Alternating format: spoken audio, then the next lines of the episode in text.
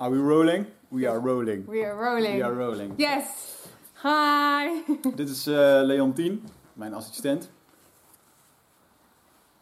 Een soort van uh, vandaag. Vandaag doe ik deze podcast uh, samen met mijn lieve vriendinnetje Marieke van Meijeren. Ja. En die kennen jullie eerder uit podcast 33. En ja, en we hebben het vandaag gehad over een hele hoop. Eigenlijk over liefde, relaties en dan voornamelijk onze relatie. Gewoon een grappig gesprek tussen vriend en vriendin man en vrouw. En ja, we zijn wel aardig de diepte ingegaan vandaag. Ja. Mooi, inspirerend en diep gesprek. Ook over uh, ons blik op uh, de liefde. Um, hoe wij de liefde hebben met z'n tweeën. Um, ook onze totale reis uh, van relaties tot aan nu. En, vroegere vriendjes en vriendinnetjes passeren de revue. Billen bloot, jongens. Um, en ook eigenlijk natuurlijk de grootste dingen is van uh, hoe, je ons, hoe je jezelf daarin gevoeld hebt en hoe je je nu voelt. En dat het uh, best een magische reis is om uh, een liefdesrelatie te hebben. En waar je vooral van mag gaan genieten. Ja. Dus ik hoop dat jullie ook lekker van deze podcast gaan genieten. een hele hoop over ons privéleven en over hoe wij het allemaal zien. En ook wat we allemaal van plan zijn in de toekomst.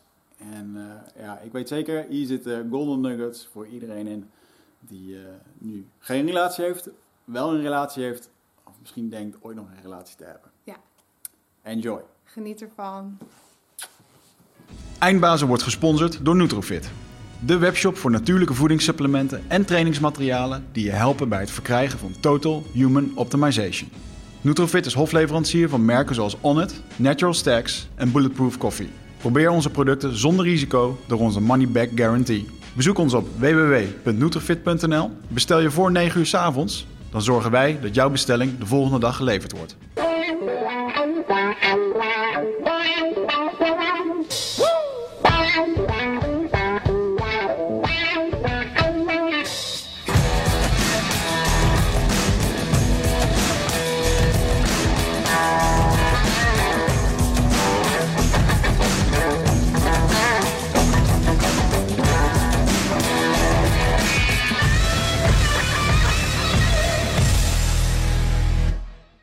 Een special episode.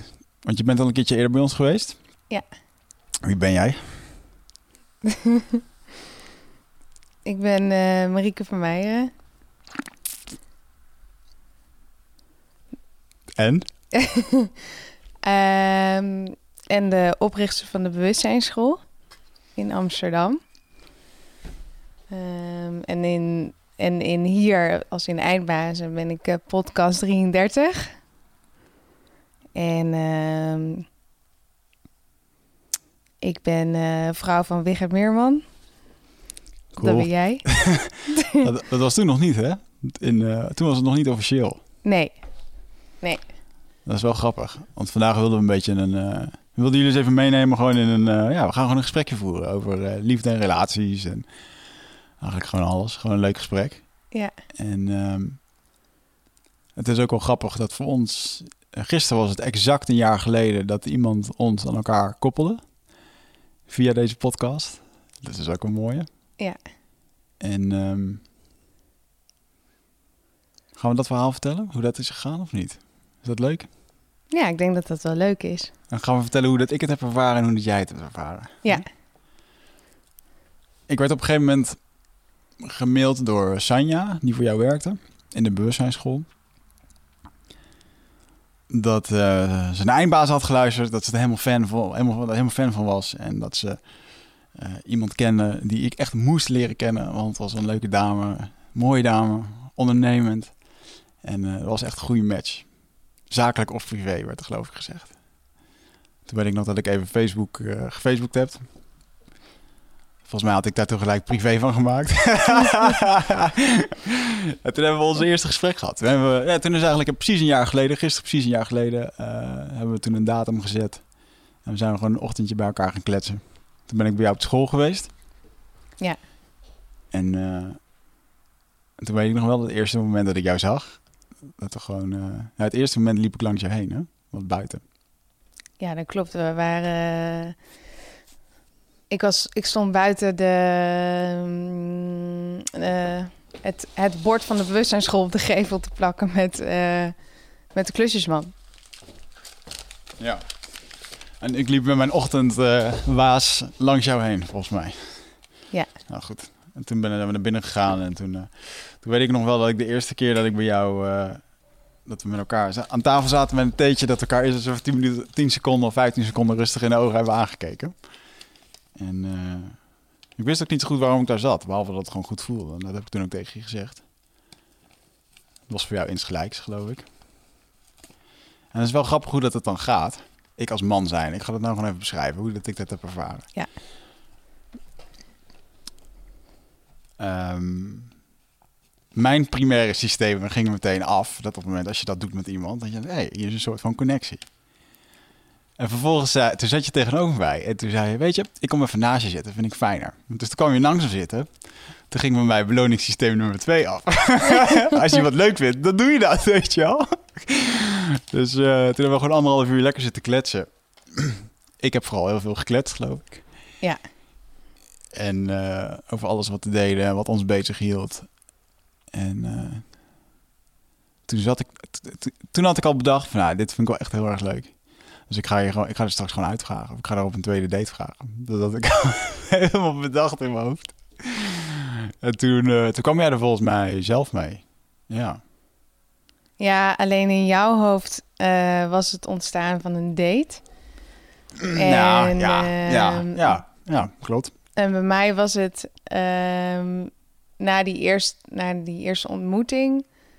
ehm, bij mij was het zakelijk ingestoken, dus ik had hem ook zakelijk gezien. Ja, En eh, na die eerste eh, ja, ontmoeting of meeting, om het even zo te zeggen, eh, zei ik tegen jou van, volgens mij hebben we nu nog steeds zakelijk niks besproken, dus het lijkt me handig als we nog samen even een keer gaan zitten hierover. nou, dat stuk is echt totaal langs mij heen gegaan. dat heb ik gewoon niet willen horen, denk ik. Ik dacht gewoon, yes, hey, ze, ze stelde het zelf voor. Ja, dit is gewoon een tweede date. Ja. En toen zei je, want je zei, een ander ding wat mij toen triggerde was dat je zei van, weet je, misschien moeten we dan gewoon even ergens afspreken buiten de school. Ik denk, nou, dit is helemaal top, inderdaad. Weg van de werksfeer, gewoon lekker relaxed. en eh, ik weet nog dat het echt onwijs warm was. Of tenminste, ik had het heel erg warm. Dat bij de eh, tweede date of de eerste nee, date? die eerste date. Ja. En eh, dat ik toen wegging en dat je, eh, dat je mij een knuffel gaf. En dat je zei, hey, bedankt hè, voor je klamme rug.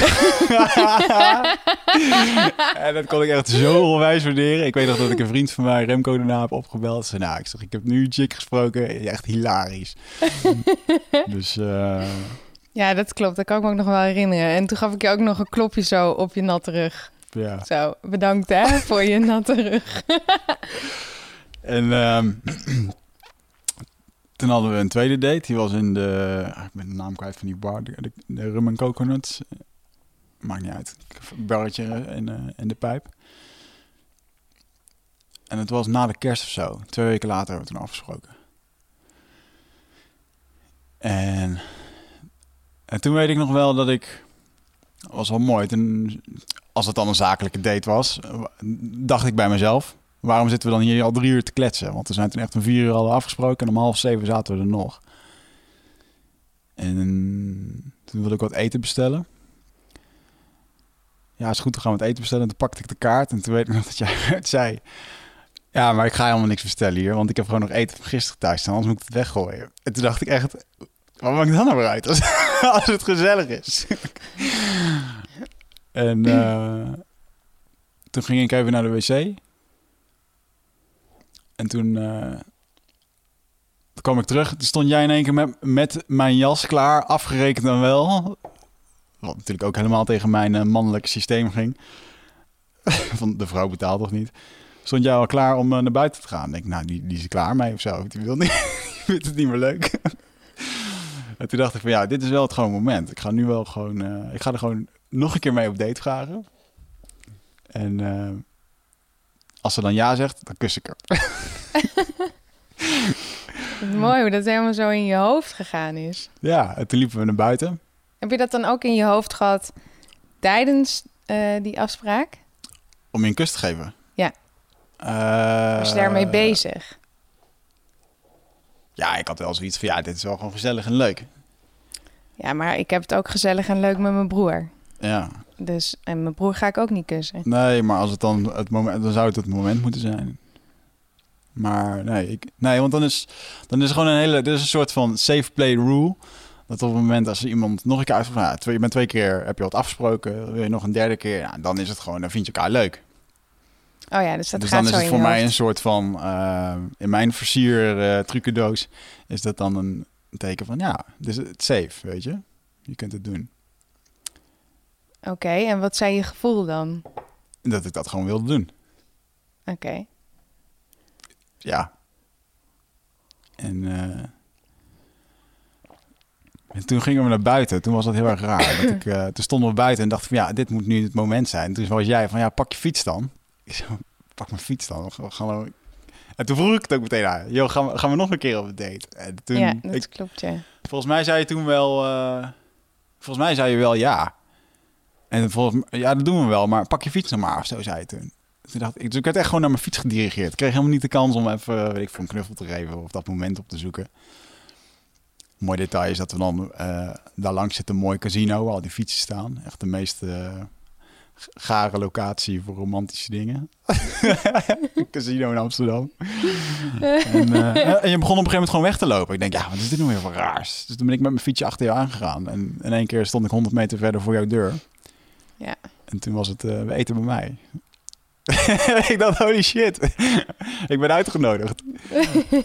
ja, mooi is dat u dat toen gegaan is. Nou goed, om de details te besparen. Toen eh, daarbinnen hebben we volgens mij nog drie uur om elkaar heen lopen drentelen. Nadat ik eh, je opgewarmde eten van gisteravond kreeg.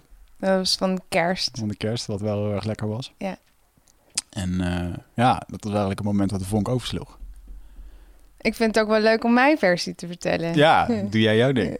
Dus eh, we hebben nu jouw mannelijke kant gehoord. Ja, hoe de man denkt. Hoe de man blijkbaar denkt. en dan nu de vrouwenversie.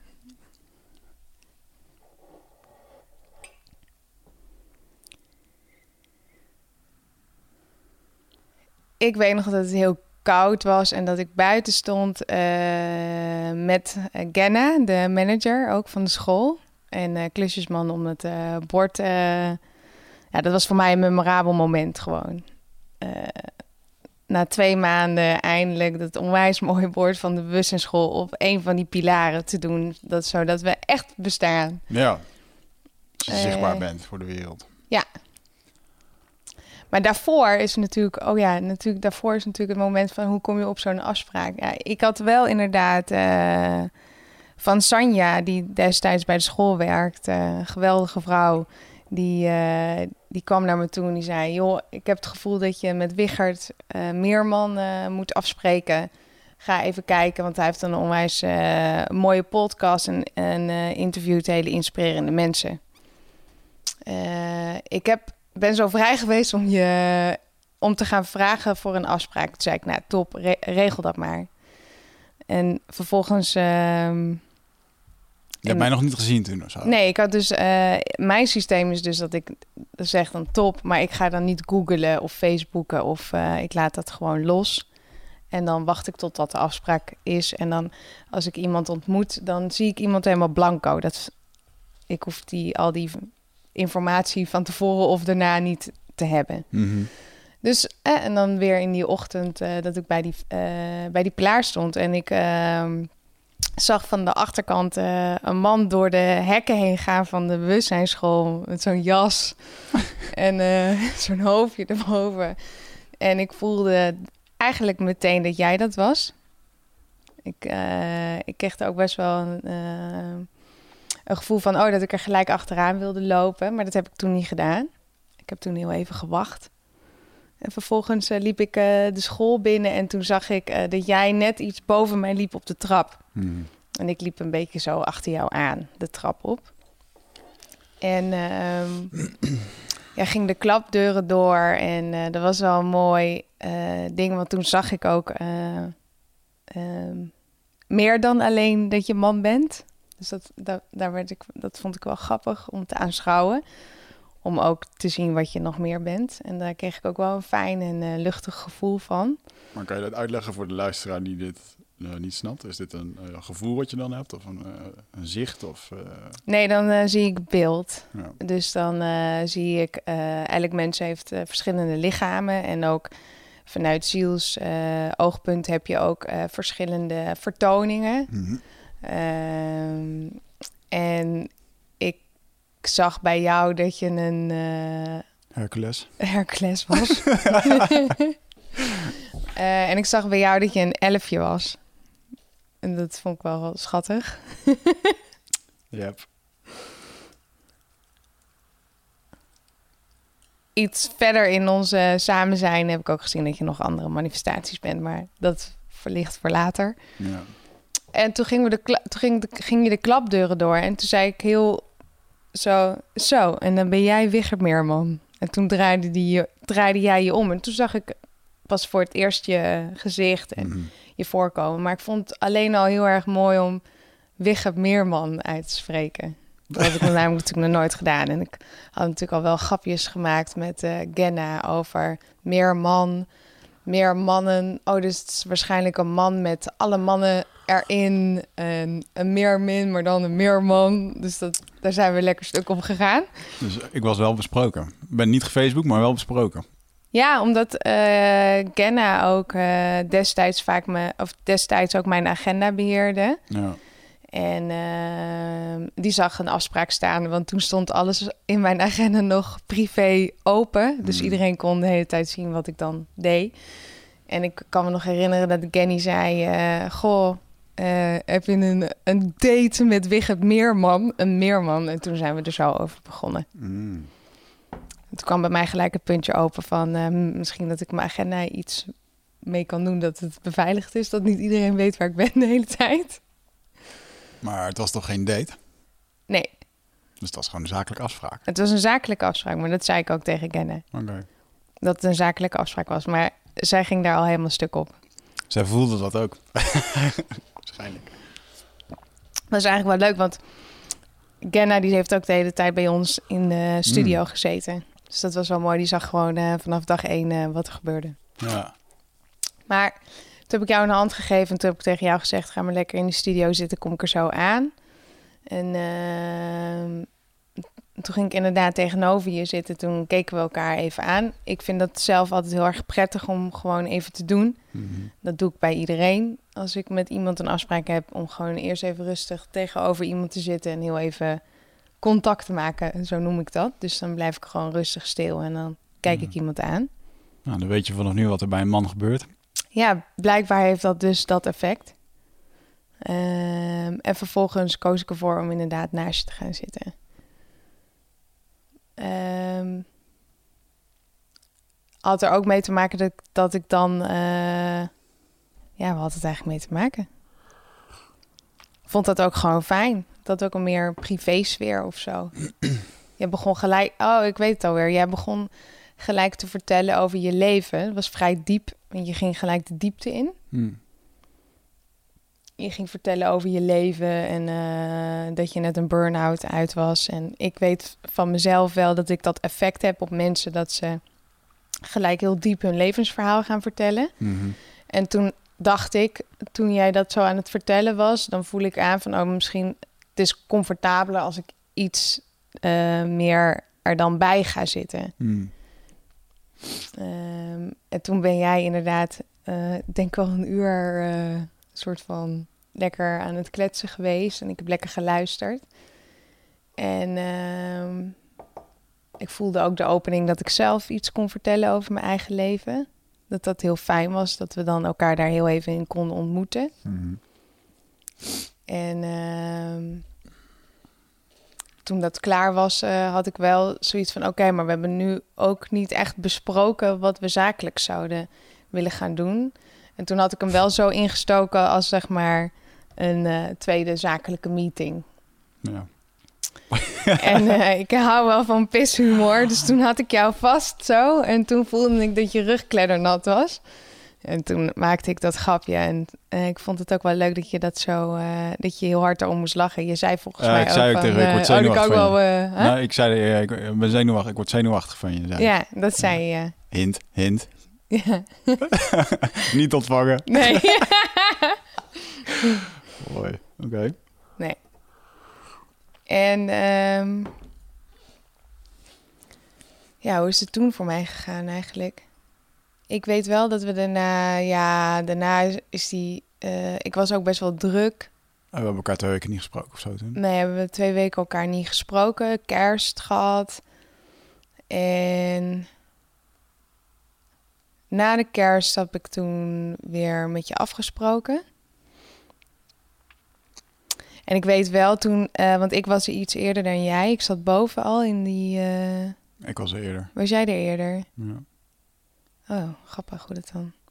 En ik zag wel aan je dat je je best had gedaan. Dus je had een heel mooi wit overhemd aan en eh mooi spijkerbroek en witte Adidas. En toen je opstond en je, toen ik dat voelde dat je echt je best had gedaan, Hmm. ehm, toen ging er in mijn systeem ook van alles aan. In de zin van hij heeft zijn best gedaan. Misschien vindt hij me wel leuk. Het is gewoon een soort aap die een hoop voedsel had ge- geregeld. En, eh, En, ehm, en toen ik voelde van, oh, hij zit hier eh, wellicht... Hij zit hier ook met een andere intentie. Die intentie voelde ik. En toen ben ik eigenlijk op dat moment ook iets mijn focus gaan verbreden. hmm. Dus in plaats van gefocust, dit is zakelijk en ge- een gesprek met jou op zo'n zo'n niveau te hebben, heb ik op dat moment ervoor gekozen om ook mijn hart iets te openen en eens te gaan voelen en te kijken wat er dan in hemelsnaam tegenover me zit. Hmm. En ehm, dat bracht mij op een gegeven moment eh, best wel in een hele mooie. Dat is een hele mooie reis geweest voor mij als vrouw zijnde. Hmm. En ik denk dat heel veel vrouwen zich hier ook wel in kunnen vinden. Is ehm, ik, ik als vrouw zijnde heb. ehm, eh, je hebt er natuurlijk ook wel weer natuurlijk types in. Maar ik, als, ik zelf als Marieke van Meijeren heb nooit eh, actief gedate.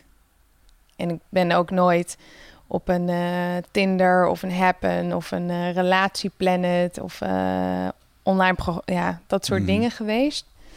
En als ik dan uitging, dan ehm, was ik altijd degene die gewoon lekker aan het dansen was met de vriendinnen en er niet mee bezig was. Maar is dat dan, ja, laten we wel wezen, omdat je gewoon werd aangesproken? Ik bedoel, het kwam aanwaaien dan toch? Mooie vrouw. Nou, nee, eh, ik had wel, eh, ik had wel eh, aanspraak, maar ehm, Ik bedoel, ik zie nu ook dat het gebeurt. Dus toen gebeurde het ook. ja, tuurlijk, ja. En dat gebeurt ook wel. Ehm, maar ik ben zelf nooit degene die op iemand afstapt, Mhm. actief. Ehm, of dat ik om de man zijn nummer vraag. Nee. Zo zie je mannelijk Nederland. Fucking ask for it. Ja, and you will receive. Als je geluk hebt. Ehm, maar dat, he- ehm, ja, dat, he- dat heeft voor mij best wel veel gedaan. Dus ook bijvoorbeeld als uiteindelijk na een tijdje daten, wat ik dan ehm, uit de oude patronen deed. Als dan een man eh, vroeg, goh, en nu ben je mevrouw. En dan zei ik meestal, oké. Mhm. Zonder eigenlijk echt te voelen wat, wat, ik, wat ik voor mezelf voelde, of dit het is. Wat mij deed realiseren op een gegeven moment, dus met de ontmoeting met Wichard en ehm, daarvoor, ehm, ja, tijd vrijgezel zijn en ehm, wel, eh, wel een bijzondere man zien destijds. Maar dat ging ook op een andere manier.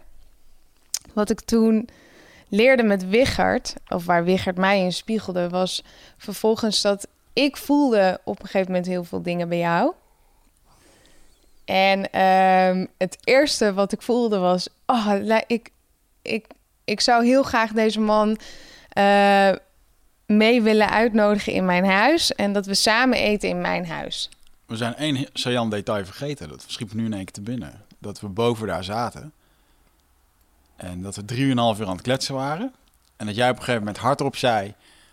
"Oh, Joh, waarom hadden we ook eigenlijk eh, weer afgesproken? Oh ja. dat, dat ik dacht, dit is zo obvious. Ik denk, is dit een grap? En dat ik gewoon eh, right in your face zei... Ja, omdat ik je leuk vind, anders zou ik hier niet zitten. En dat ik jouw hoofd echt zag verstijven en je kreeg in één keer een blos op je wangen. Ik denk, oh shit.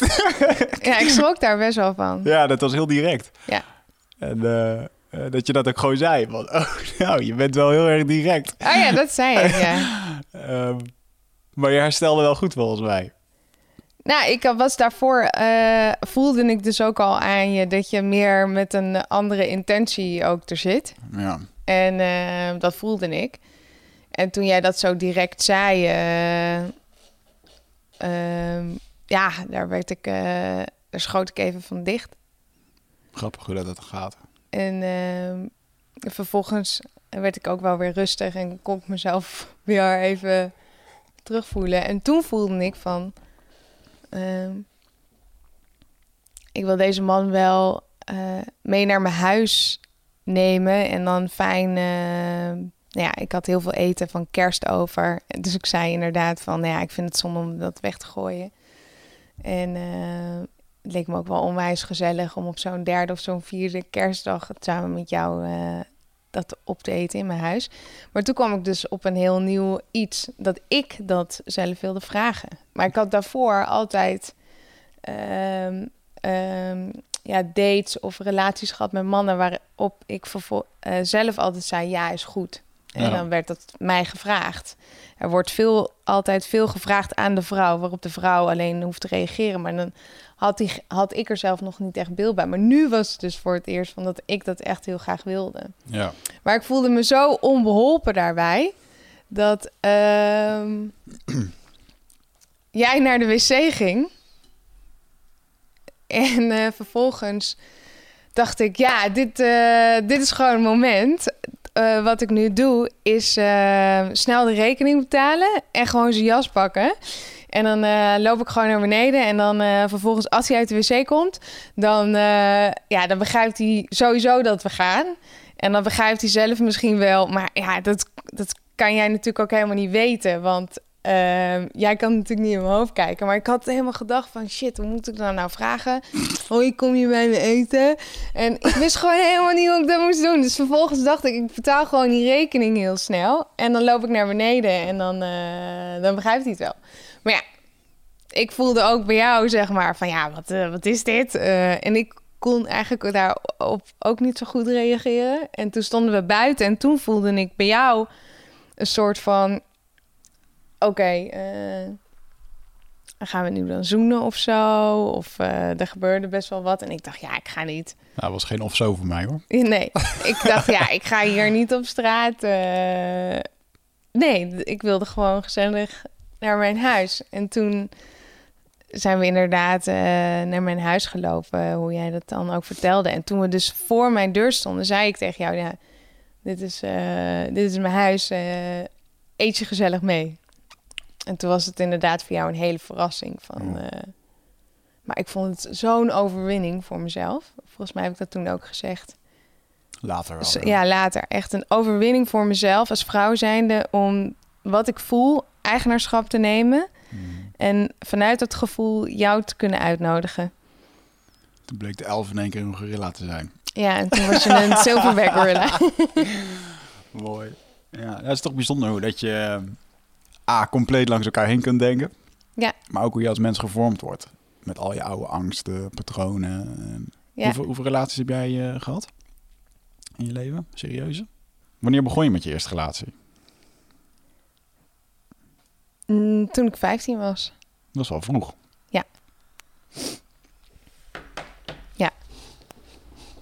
Was ik helemaal verliefd op. Floris heet hij.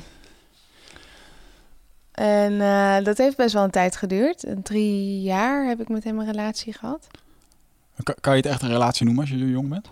Denk je? Ja, het, ik ervoer het wel zo. je het vormt je wel zo, hè? Ja. Kan je nog het moment eh, herinneren dat je... Was dat ook de eerste keer dat je echt verliefd was?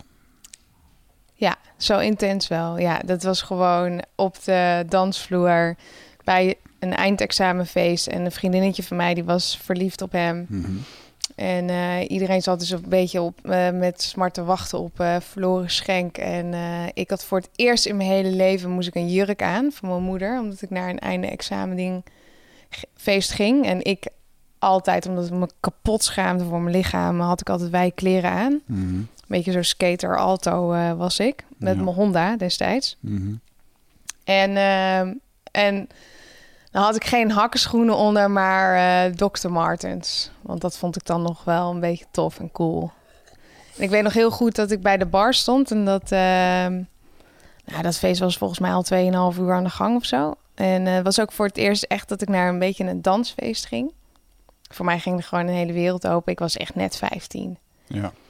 En ik draaide me om en hij stond op de dansvloer. En hij keek naar mij en ik keek naar hem. En ik was gewoon in één keer alsof de hele wereld verdween. En dat was, dat was gewoon... Er was gewoon geen spel tussen te krijgen. Dat was gewoon...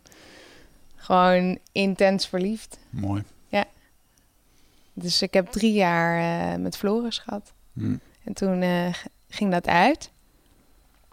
Toen heb ik ook echt mijn eerste keer eh, mijn liefdesverdriet echt gehad. Ja. Ik denk dat dat wel een jaar geduurd heeft. Hoe uitte zich dat bij jou?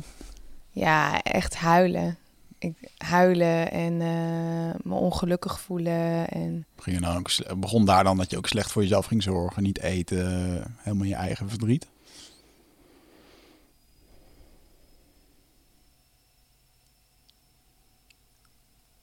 nou, ik kon wel echt helemaal in een eh, cocoon zitten, ja. Ja. Dat ik eh, moeilijk benaderbaar was. Ja. Ik had ook heel veel met hem meegemaakt.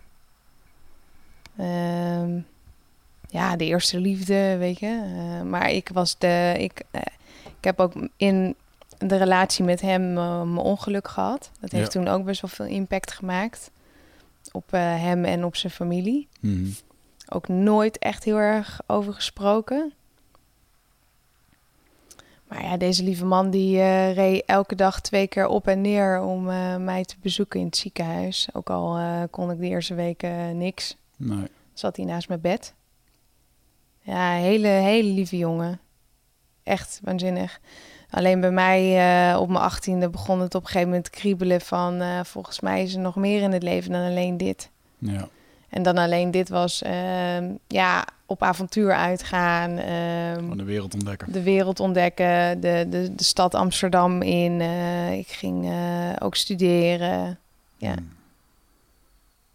En, toen zei je, Floris, this ain't gonna work. eh, ja, ik heb toen wel verteld van ja, dat ik, eh, dat ik het uitmaakte, ja. En ehm, dat had ik ook wel eens vaker gedaan.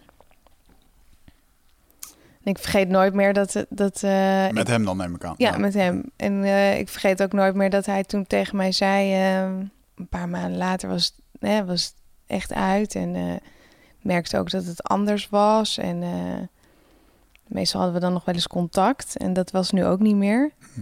En toen eh, weet ik nog wel dat hij tegen mij zei... en dat heeft toen wel heel veel met mij gedaan. Ehm zei hij, ja Marieke, ik ben geen yo-yo. Voor mij is dit het nu. En toen- Sterk van hem. dat vond ik heel sterk. En toen is het daarna ook gelijk... eh, hij gaf daar zo, daarin zo goed en helder zijn grens. Ja. En daar kon ik destijds echt wat mee. Dus toen heb, ben ik ook, heb ik hem helemaal losgelaten. En eh, toen heb ik dus wel dat, dat liefdesverdriet eh, gehad. ja, bizar. Als hij dat niet had gezegd, dan had hij jou misschien wel wat mee kunnen geven dat jij dat bij iedereen kon doen.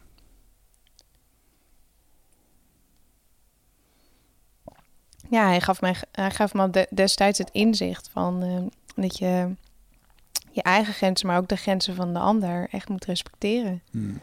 En dat als iemand dat echt zo goed zegt, dat dat het dus is. Ja, En eh, ik was 18 toen ik die les kreeg, dus daar ben ik hem onwijs dankbaar voor. mooi. Hm. Ja. En toen?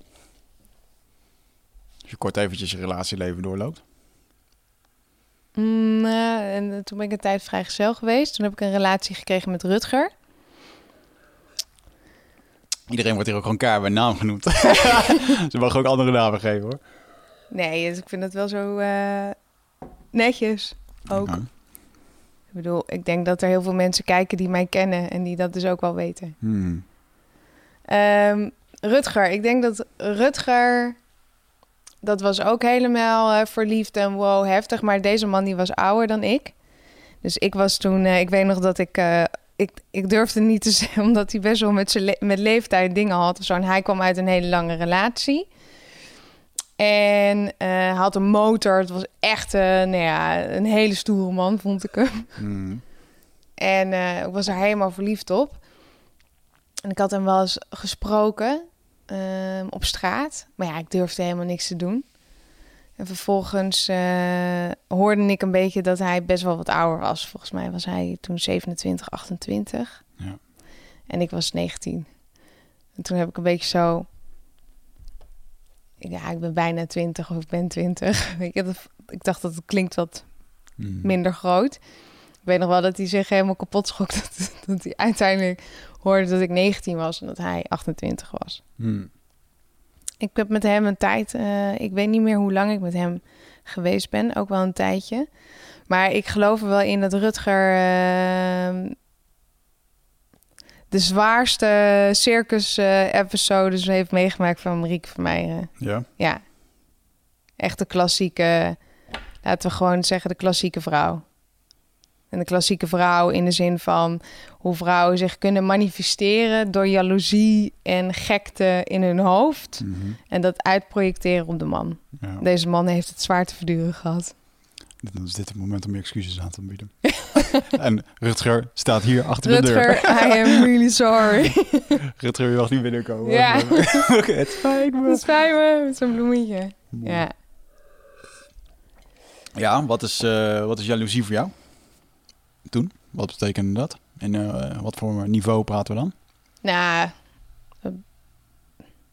het gewoon niet los kunnen laten. Hem, hem enorm belangrijk te maken, waardoor ik zelf helemaal verdween. Mhm. Mezelf helemaal vergeten. Ehm, een stuk zelfwaardering naar mezelf. Dat had ik helemaal niet. Hm.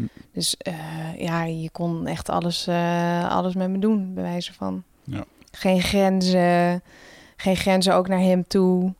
Ehm, nou ja, de klassiekers, ik noem ze even op. Ik denk dat eh, heel luisterend Nederland zich ermee kan identificeren. Is eh, compulsive behavior in de zin van ehm, mobiel eh, checken, e-mail checken. ehm, zeggen dat je het niet doet, maar ondertussen eh, eh, worden de vrouwen s'nachts gewoon wakker om de telefoon van hun vriend te kijken. Om vervolgens er doorheen te scrollen. Is everything okay? Ja. En als er dan niet iets van een andere vrouw tussen zat, dan was het, oh, gelukkig, hij houdt van me. Mhm. Hij gaat niet met een ander, noem alles maar op. ja. Ehm, ja, ook, eh, ge- compressed anger had ik, had ik destijds ook al heel veel. Dus dat projecteerde ik uit op hem. Ja. Dus ik was heel boos, heel moeilijk benaderbaar. En eh, ja, ik, ik had ook destijds al wel een goed gevoel voor eh, luisteren naar mijn intuïtie. Dus ehm, deze lieve man, eh, als ik dan voor modellen werk, ging ik toen naar Duitsland. nou ja, dan kom je terug en dan ja, is er wel wat gebeurd met een ander. En dat heeft me toen. Ehm, dat is wel ook wel weer een heel mooi moment geweest. ehm, wat zo'n man mij geleerd heeft. Is ehm, echt luisteren naar mezelf. En dat ik echt weet dat wat ik voel, dat wat ik zie, dat dat echt klopt. Ja. En eh, je, nogmaals, je kon de- destijds mij echt wijsmaken dat een banaan een appel was. Mhm. Zo, zo vulnerable en zo onzeker. En geen eigenwaardering, geen zelfliefde, geen zelfacceptatie, noem alles maar op. Dus ja, zo'n man waar je dan tegenop kijkt. Ja. Met zo'n bril op van the other one is beter dan ik. Dan ben je gewoon een speelbal van de liefde. Mhm. En eh, ik heb toen echt... eh, ik kon niet anders meer. Dat heeft me toen echt verteerd. Dat was voor het eerst dat iemand eh, me bedroog. Ik heb daarna een relatie gehad met een Italiaan. Die, eh, dat was de cherry on the pie. Ehm, dat, dat, dat, die, dat die impact... Die impact, dat was zo intens. Dat vrat me helemaal op van binnen. Mhm. Ik kon, ik kon niet meer communiceren. Ik sloeg helemaal dicht. Ik kon, kon me niet uiten. Ehm, ik was alleen maar verdrietig. En vervolgens realiseerde ik me hè, na zo'n periode van een maand en dan ook niet hem willen zien. Ja. ehm, dat we het nog even gingen proberen, maar ik kon er helemaal niet. Ik kon mezelf er niet overheen zetten. En waar ik mezelf niet overheen kon zetten, was niet het feit dat hij me bedroog. ik kon mezelf er niet, niet overheen zetten dat de man waarvan ik hield, eh, niet eerlijk in mijn gezicht kon zeggen dat het de waarheid was. Hmm. Dus deze man die heeft in, in bochten en dingen zichzelf gewrongen om, om het dus eerst eh, te liegen. En punt nummer twee is dus waar ik zo overstuur over was, was dus dat mijn hart en mijn, mijn, hele, mijn hele ziel en hebben en houden het echt wel heel erg goed weet. Hmm. En dat ik dat blind mag vertrouwen. Ja, dat is mooi dat je dat zo zegt. Ik heb daar in mijn, eh, mijn boek heb ik daar een mooi stuk over geschreven. Ja, jij weet dat, je hebt dat wel gezien. Ja, Maar dat vind ik wel een van de mooiste stukken. En dat is het, eh, het stuk over liefde en relaties. ja, En daar beschrijf ik ook in eh, wat vreemdgaan nou eigenlijk doet of is. En zoals ik dat in mijn jungle-periode daar eh, geleerd heb gekregen. En voor de mensen die niet weten waar ik het over heb, luister alsjeblieft even de vorige podcast over mijn jungle-trip. En mooie inzichten gehad. En een ervan was dat vreemdgaan in relaties. Het is niet alleen het vreemdgaan wat heel veel pijn doet en wat veel eh, problemen veroorzaakt. Maar op het moment als we in een relatie zitten en ehm, iemand voelt zich niet fijn, dan projecteren we dat snel op de ander. Ja, ik vind de relatie niet meer leuk, want zij is saai, hij dit, zij zus. Terwijl ergens vinden we ons intern gewoon, zitten we niet lekker. We projecteren het dan naar buiten op de ander. En eh, daar hebben mensen verschillende reacties op. Eh, eentje die gaat heel erg veel vreemd. De andere die gaat eh, volledig in de eenzaamheid zitten. Wordt een soort kluizenaar in zichzelf. Laten daarmee de relatie kapot blo- bloeden of zo. Dat zijn hele bijzondere reacties wat sommige mensen hebben. Of patronen eigenlijk. En ik beschrijf daarin ook in dat op het moment, eventjes vanuit het oogpunt dat een man vreemd gaat tegen een vrouw, dat de intuïtie van een vrouw heel erg sterk is. Eigenlijk is de intuïtie van iedereen. eh, Ja, en heb jij me later in, in verbeterd dat het niet alleen de vrouw is, maar ook de man. Ja. Eh, maar in dit geval eventjes de vrouw, die intuïtie die is hartstikke sterk. Zij voelt dat er iets niet goed is. Ze vraagt het aan hem, van joh, Ja. ben je vreemd gegaan? En dan is het echt de keus van de man wat hij daarmee doet. Ga je nu voor je eigen schijnige eh, schijnveiligheid kiezen en zeg je nee, dan is het voor hem de makkelijkste weg. Of zeg je gewoon ja en je krijgt eh, de storm over je, maar je bent wel eerlijk. Maar op het moment dat je nee zegt, en dat heeft dan toch de keuze die je daarin maakt, ja of nee, heeft echt met je waarden en normen te maken. Ook een stukje sterkte van je karakter, een hele hoop facetten die daarin eigenlijk in je zelfacceptatie en in je, je zelfverzekerdheid meehelpen. Op het moment dat je nee zegt, dan kies je voor je eigen veiligheid. Maar wat je eigenlijk doet bij een vrouw is Want die vrouw die gaat vervolgens in haar hoofd denken van... oké, nou, ik wil dit misschien ook helemaal niet geloven. Nou, eh, dan is het maar zo. Dat betekent dat ze het accepteert met haar hoofd... maar dat ze het niet gelooft met haar hart. En eigenlijk de grootste misdaad die je hiermee pleegt... is tegen iemand zeggen van... joh, je hebt ongelijk, je gevoel klopt niet. Ja. Want op het moment als die de volgende keer een relatie ingaat, dan gaat het hoofd waarschijnlijk overnemen. Van, joh, vorige keer had ik het ook niet goed. Hij zal het toch wel weer niet doen. Terwijl het lichaam gewoon voelt dat er wat anders is. Ja. En vervolgens neem je dat eh, in volgende situaties mee, of misschien zelfs volgende relaties. Dat kan iemand voor zijn leven lang eh, last eh, van houden. Nee, daar ben ik het niet mee eens. Als die daar niks aan doet. Ja. Ja, oké. Als je er inzicht over krijgt. Ja. Ja.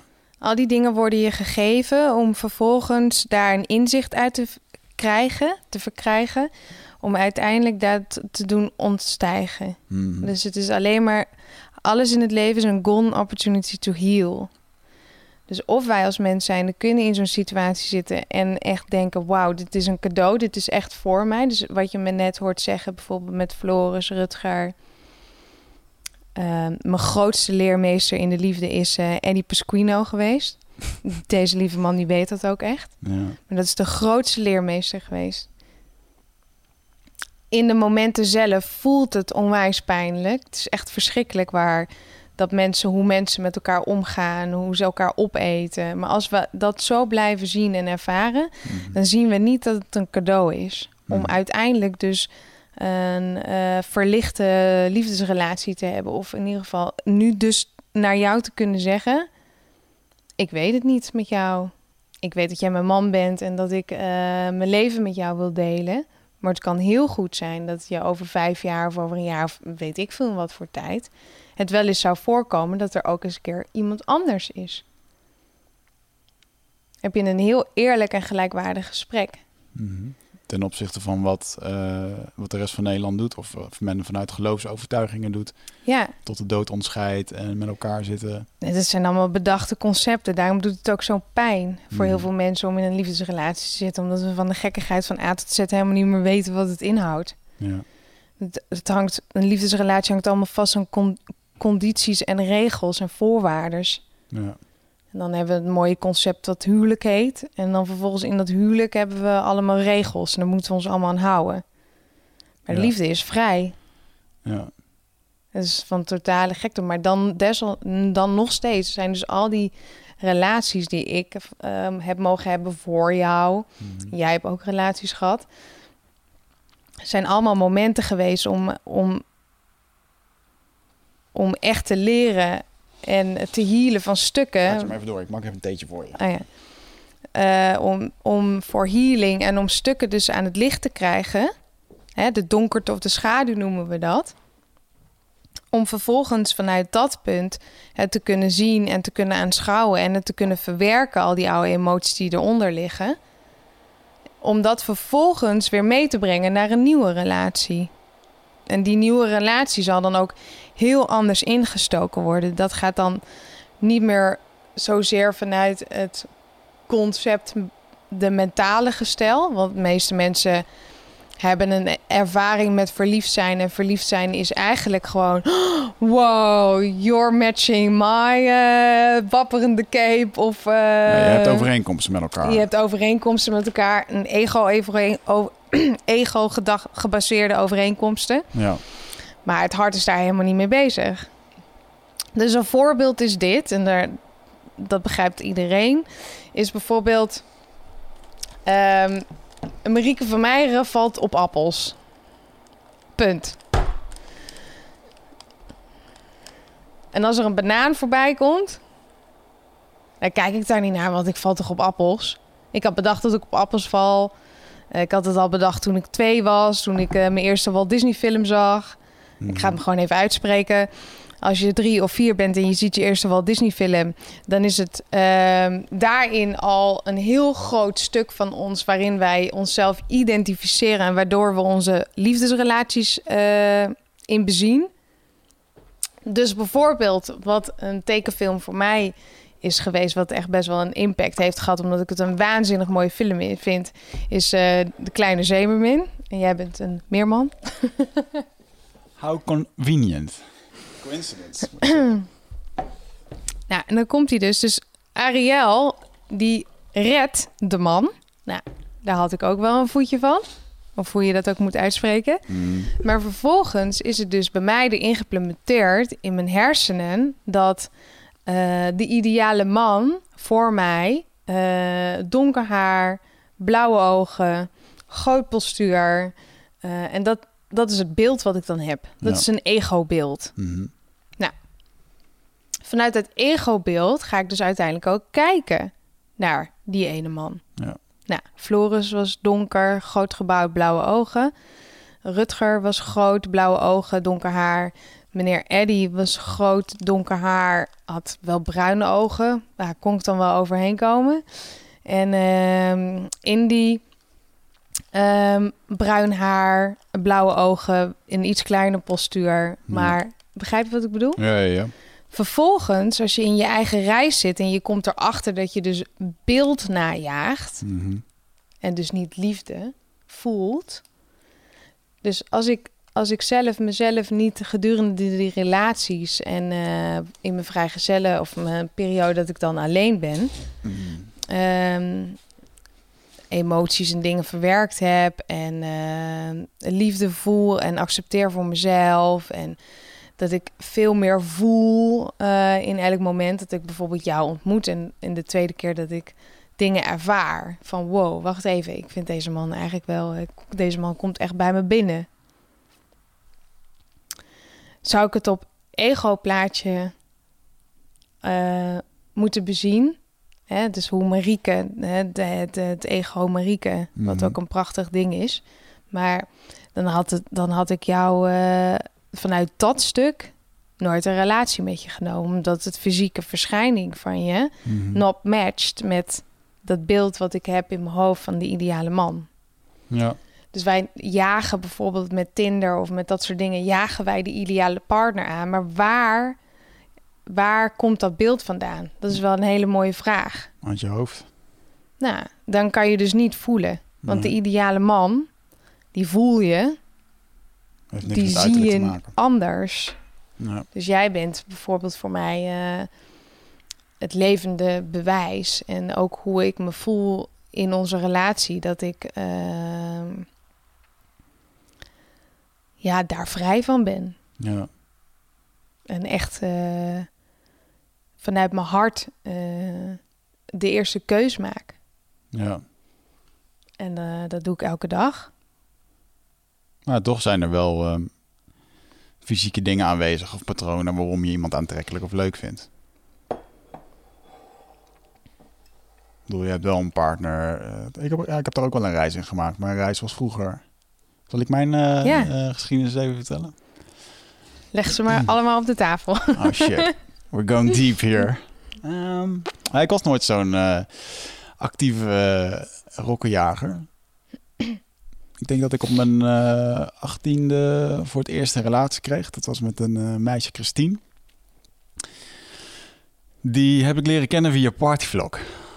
Ken je Partyvlog? Nee, maar ik ken het wel van een Beetje de. Facebook van de feestjes waar je dan vroeger eh, kon je elkaar met partyvlog meetings op, eh op, op housefeest en zo elkaar ontmoeten en allemaal foto's uploaden. En dat was wel super lachen.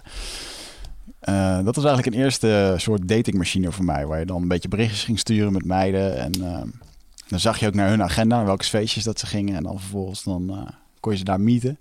Eh? En dat was natuurlijk altijd mooi op die feesten, want dan ja, was iedereen wel eh, onder invloed van drank of erger. En eh, ja, golden opportunity om mensen te ontmoeten. dus dat is heel grappig. Maar in ieder geval, ik had toen alleen maar berichtjes. eh, ik had toen wat ge- gestuurd over. Ik, ik weet niet. iemand vroeg volgens mij. of dat ze kon werken ergens in Kreta. Ik ging op dat moment in Kreta werken bij Bob Saloon. In Gesonissos. Je was zo'n propper. Ik was toen propper, ja. En Ik wilde graag, ik wilde graag op vakantie. en ik dacht, eh, dit is cool. Dus ik had er wel wat... eh joh, ik had er wat gedate. Dus ik had nooit echt een relatie gehad. Ehm, wel, meneer, wel echt verliefd geweest. Maar altijd eh, onbereikbare liefdes geweest. Wie is dat? Ja, de eerste was wel... ehm, het is heel erg grappig. Die heette ook Marieke. Dat is wel een meisje, op, eh, op een meisje uit Limburg op een camping in Italië. Man, man, daar was ik verliefd op. Ja. Hoe voelde je dat? Ja, dat ik gewoon bij haar wilde zijn. En, eh, eh, ja, gewoon dat. Ik was toen een jaar of 13, 14, denk ik. Ik weet nog wel dat ik dat toen ook heel stoer tegen mijn moeder een soort van vertelde. Dat we elkaar wel leuk vonden en zo. Maar dat was helemaal niet zo. Dat, dat, ik, dat vertelde ik gewoon tegen haar. Dat had ik mezelf helemaal wijs gemaakt. Zelfs als buurmeisje op de camping ook. Maar om dan gesprekken met haar daarover te hebben en zo. En, eh, maar, en dan gaf mijn moeder eigenlijk de reactie, die maakte daar een soort van lacherige reactie over. Van, ah, Wiggertje is verliefd. En dat vond ik zo kut. Dat deed echt zeer. maar dacht ik van, maar ik ben toch ook gewoon volwassen. Ik ben ook gewoon... Maar dan word je dan in één keer als de kleine teddy weer neergezet die ook gevoel, gevoelens heeft. Dat is ook wel bijzonder hoe dat, hoe je, dat, ja, hoe dat, dat ging. En eh, ja, uiteindelijk is dat helemaal niks. Eh, die heeft dat nooit geweten, volgens mij. Eh, maar in ieder geval toen ehm, ging ik daar werken. Ik zag op een gegeven moment een meisje een oproep plaatsen die daar graag wilde werken. En dat was Christine. Bloedmooie dame. Eh, en dat vond, ik heel, dat vond ik heel belangrijk. Hoe- en echt, ja, die ging naar Kreta toe. Dus ik berichtje stuurde van, joh, ik kan wat voor je regelen. hè. Wigert de regelaar, die regelt dat wel. Moet je ook nog een baan hebben, kan ik ook voor je regelen. Ik heb wel contact. Dus dat was meteen een soort van, ik hielp haar. En eh, de redder dan misschien. Ja, ja. Ik ging het meisje, Top. ik ging het meisje redden. En ehm zij was vijf jaar ouder dan ik. Maar echt, ja, gewoon een hele mooie meid. Ehm, hoe oud was zij toen? 23 of zo? En gingen we daarheen, we gingen we werken samen. Nou, proppen. Later ging ik dan op Star Beach werken, van die kaarten verkopen voor uh, feesten van DJ Dana en zo. Phone parties met Dark Raver, noem het allemaal op. En uh, ja, dat was, was, hartstikke leuk. Alleen uh, dat poppenleven was niet zo aan mij besteed, want het, ik kon helemaal niet goed met geld omgaan. En ik, ik mijn geld daar gewoon letterlijk op. En dan, ja, ik kon helemaal niet echt leven of zo. Ik vond het helemaal niet wilde ook gewoon weg toen. Dat was voor mij heel erg een ding. Ik was thuis niet zo fijn met, met de situatie, dus ik wilde gewoon weg zijn. Toen ging ik daarheen en ik merkte op een gegeven moment dat ik heel erg verliefd werd op haar. Toen ik al verliefd werd op haar, vroeg zij op een gegeven moment aan mij: van, ja, ik uh, werk hier nu, maar uh, ik moet mijn appartement uit. Ik kan nergens heen. Kan ik bij jou blijven slapen?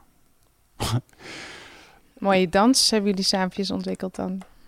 Ja, weet ik niet hoe dat, dat dan zo is gegaan. Ja, toen uiteindelijk, dus ik zou, uh, laat me even één seconde nadenken. Um, ja, ik heb wel een bed.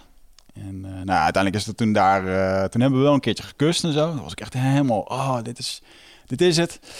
En de volgende dag zag ik haar met iemand anders kussen. En dat deed me wel pijn. Toen dacht ik zo, hé, hey, maar ik was toch, ik was het toch. Maar zij was gewoon lekker aan het feesten daar en het genieten. Op een gegeven moment toen uh, had ik al besloten van nou, ik ga naar huis. en uh, ik heb dat toen wel tegen haar gezegd van joh, ik, vond je, ik vind je leuk en uh, dat is de reden waarom ik ja, eigenlijk nog een soort van hier wil zijn, maar anders eigenlijk ook niet. Zei ze, nou, ik zie dat niet. Nou, prima. Dus toen heb ik mijn ticket teruggeboekt. mijn appartement was nog voor twee weken gehuurd of zo, voor drie weken. Dus dan mocht zij kijken wat ze daarmee wilde doen. Toen heb ik nog wel een mooie brief geschreven. Een mooie afscheidsbrief. Wat ik voelde, waarom, hoe en wat. En die heb ik voor haar neergelegd toen ik wegging. En toen uh, was ik s'avonds terug en toen belde ze me huilend op van... Uh, ja, ik besef eigenlijk ook wel dat ik jou ook heel erg leuk vond. Ik ga morgen of overmorgen kom ik naar huis. En toen heb ik iets met, uh, ja, met Christine tijd gehad. Maar zij was dus wat ouder. Zo, ik keek heel erg tegen haar op. Ik zette haar onwijs op een voetstuk. Ehm, en ik weet nog, daar zat echt... Wat was ik bang om haar kwijt te raken. Want ze was het perfecte plaatje. En ook mijn eerste liefde. En, en die heeft mij echt, als je het hebt over een yo-yo. wow, die heeft mij van links naar rechts gegooid, man. En dat was echt uh, een hele mooie uh, wijze les. En uh, dat maakte mij zo ontzettend onzeker dat je, dat je helemaal niet meer van jezelf eh, op jezelf aan kan. En op het moment dat je denk, je wil niet los van elkaar, maar ergens voel je je ook helemaal niet te fijn bij. Er zit helemaal geen fijne vrijheid in. Of daar zat dus ook de mobiele telefoon checken in, eh, partyvlog checken, eh, noem het op. Mm. Waarom denk je dat uh, de meeste mensen uh, nu allemaal wel denken, kut, ik zit ook in zo'n relatie, maar er toch voor kiezen om erin te blijven? Angst. Denken dat de ander verantwoordelijk is voor jouw geluk. Ja, dat zijn wel de patronen die eronder liggen, maar uiteindelijk gaat het om het gevoel. Mhm. Dus het gaat erom dat de mens zo enorm uh, daarin geconditioneerd is, maar ook het gevoel te hebben van een, een, uh, uh, een beetje misery. Dus het stormt soms, soms is het gewoon net wel een beetje leuk. Mhm. Maar het is eigenlijk voor 50 of 60 procent een beetje pijnlijk. Ja. Een beetje zo, een beetje kut, een beetje zeiken op elkaar, een beetje, een beetje zo, niet s ochtends wakker worden met uh, bam, smile van niet de Tokyo. Fuck, hè, je ligt weer naast me. Ben ik onwijs blij dat jij weer naast me ligt. Uh, maar het is gewoon eigenlijk steeds een beetje pijnlijk. Een beetje zo modder. Nou ja, wij, wij vonden elkaar voornamelijk in het uitgaan veel feestjes. Dus dan was eigenlijk uh, studiefinanciering ontvangen. En dan ging je kleren kopen voor je de feestjes. Zaterdag dan weer naar een festivalletje. En dat was het moment dat we gewoon lekker ontspannen met elkaar waren. Ja, de upper van buitenaf. Ja. Maar dat betekent, het betekent dus dat, of het betekent dat uh, dat gevoel van, dat, van die modder, van dat, dat dat pijnlijke, dat, uh, dat net niet gelukkig zijn, maar net ook niet zo zwaar ongelukkig dat ik bij deze of uh, haar of bij hem wegga. Mm -hmm. Dat is wat wij alleen maar kennen als mens zijnde. We hebben dus niet uh, zelf de, de, dan nog een relatie gevoeld waarin dat dus heel anders kan. Waar, waarin je dus de liefde echt um, viert en dat je de liefde voelt stromen en dat je gelukkig bent met elkaar en dat je, dat je weet dat dit geluk alleen, alleen nog maar groter kan en mag worden. Mhm. Mhm. Mensen vinden mensen zijn verslaafd Aan die drama. aan die drama en dat, die modder. Ja. Dus een, elke vrouw of elke man voelt zich ook schuldig... Na, nadat we stiekem toch even op Henkies of eh, Linda's telefoon gekeken hebben. Mhm. En dan voelen we ons toch weer even zo... Oh, oh ja, weet je wel, ik heb iets kuts gedaan, maar Ja. het is oké. Hij of zij heeft het weer niet gezien. Niks aan de hand. Niks aan de hand. Hè? En dat is dus elke keer die injectatie van eh, Ja. Angst, schuld, noem maar op. Hm. Dat komt ook omdat we niet anders kennen. Ja. Nou, ik, ik weet nog wel dat ik toen eh, op een gegeven moment na anderhalf jaar ging dat uit. En eh er was nog een ander component wat eh, je gaat, een hoop mensen gaan hier om lachen. En doe dat ook vooral, want ik doe het ook.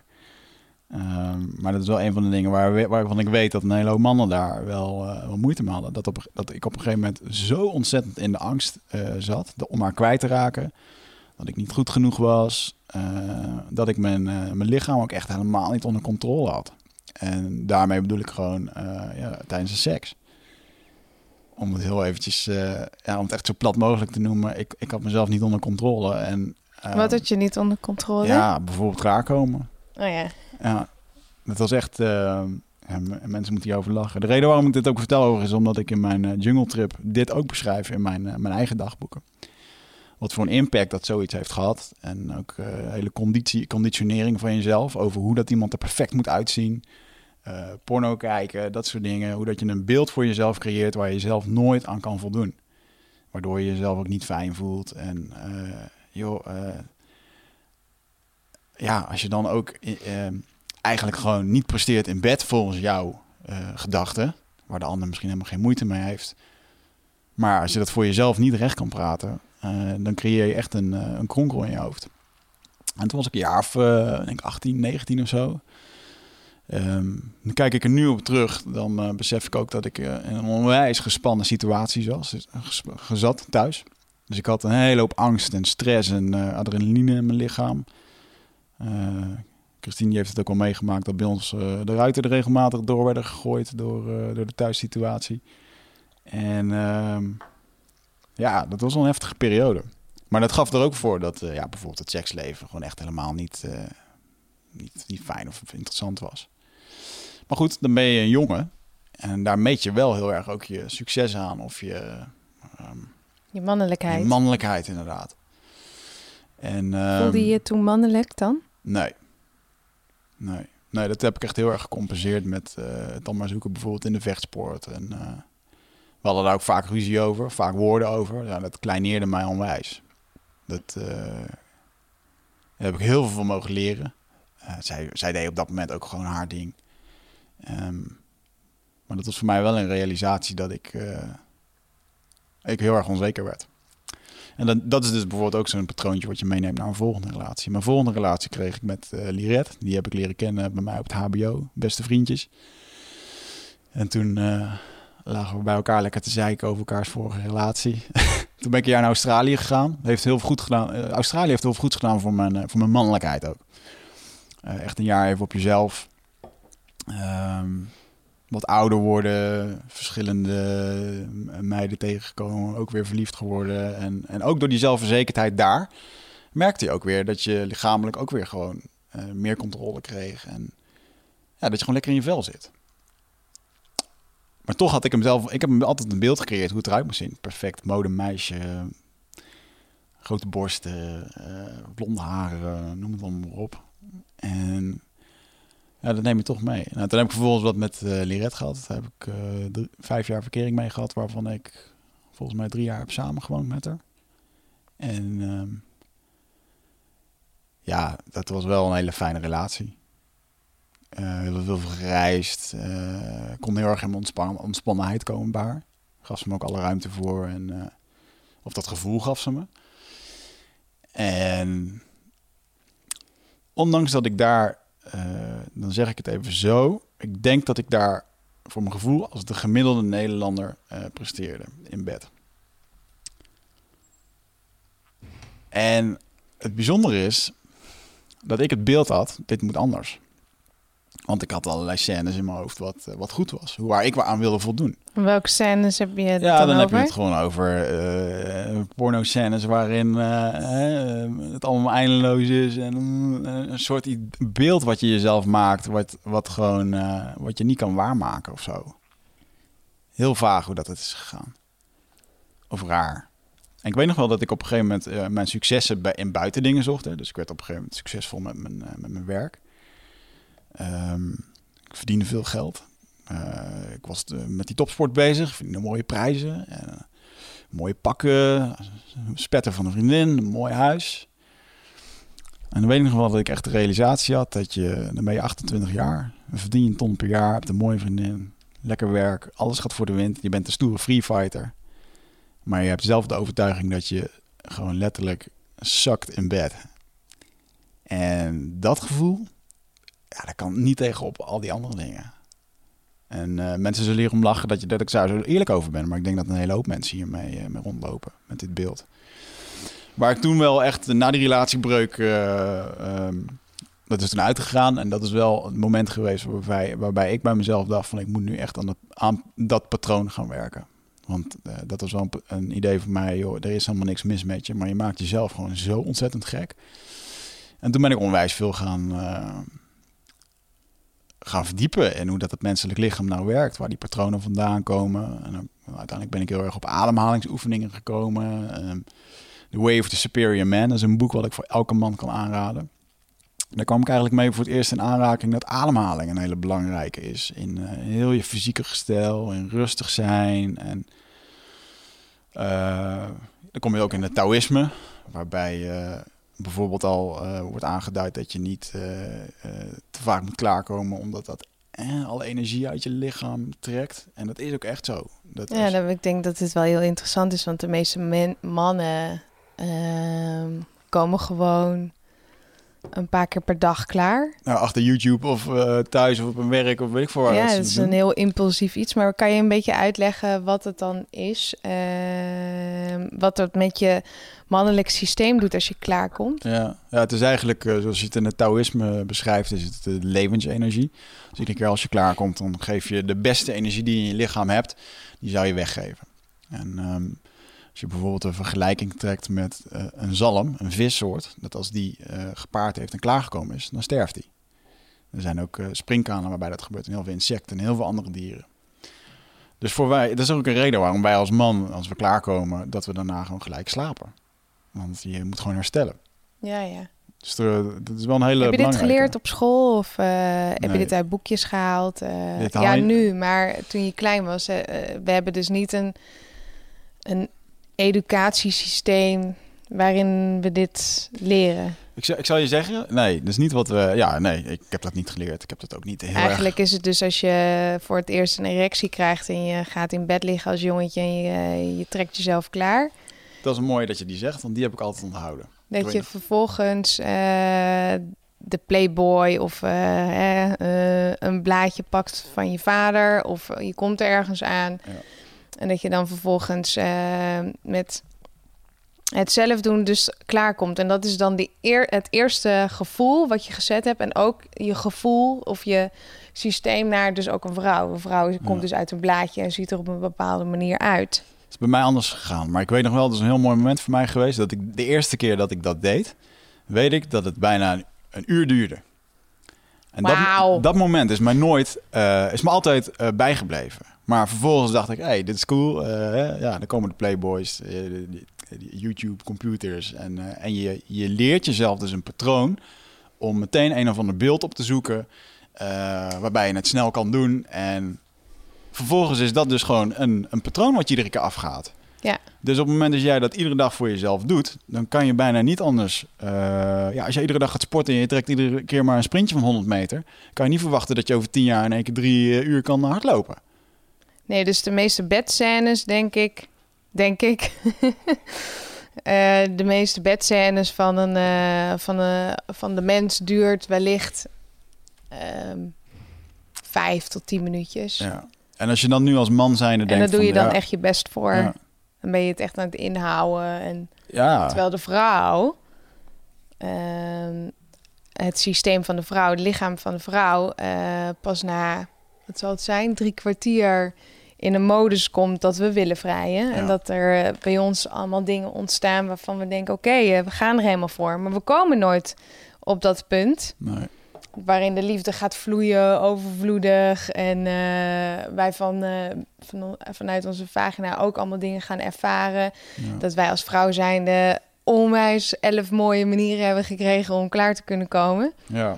Ehm, dat punt bereiken we dus niet, omdat uh, ja, het na vijf of tien minuten al klaar is. Ja, nou, dat is dus inderdaad wat het touw is. En dan heb ik het niet over voorspel en naspel. Hè? Dus dan heb je nog voorspel een beetje na. Met, dus als we een beetje voorspel nemen. Echt liefde bedrijven. Um, een beetje voorspel erbij en dan echt seks hebben. Tien minuutjes. Dan duurt, dan duurt de seks van de mens een half uur. Ja, dat is echt wel, wel veel, denk ik. Ik denk dat het ook voor heel veel mensen best wel veel is. Maar dus als je dus dieper in de liefde zakt en dus de diepere acceptatie van jezelf en je gaat jezelf ontwikkelen met mhm. kennis die je dus niet hebt gehad op school. Ja. Maar je gaat jezelf als man zijn en dus echt ontwikkelen wat jij dus doet dan kom je dus in een hele andere uh, dimensie van seks. Ja, want als je dus nu, uh, zoals ik er nu dan op kijk, want de reden waarom ik dit natuurlijk ook vertel in de podcast is omdat ik ook de oplossing heb gevonden. dat ik dit niet verteld. Maar het is inderdaad uh, controle krijgen over je lichaam. vooral met ademhalen. Ik wist dat ik helemaal verkeerd aan het ademhalen, helemaal vanuit mijn schouders, vanuit je buik.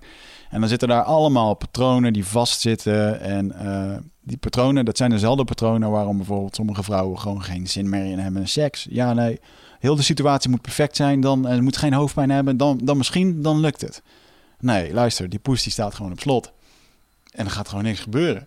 En dat heeft met allerlei onderliggende patronen te maken. Ik merkte voor mijzelf dat het um, dus met die ademhaling te maken had. Heel erg voelen met je lichaam in plaats van met je hoofd. Waar, waar stroomt het dan helemaal en hoe werkt dit? En eigenlijk is het heel erg simpel dat op het moment als er ergens een verstoring in zit in die energie, je mag het eigenlijk zien dat als jij inademt, dat de energie via je buik naar beneden gaat, uh, als het ware tot in, je, uh, in, tot in je ballen.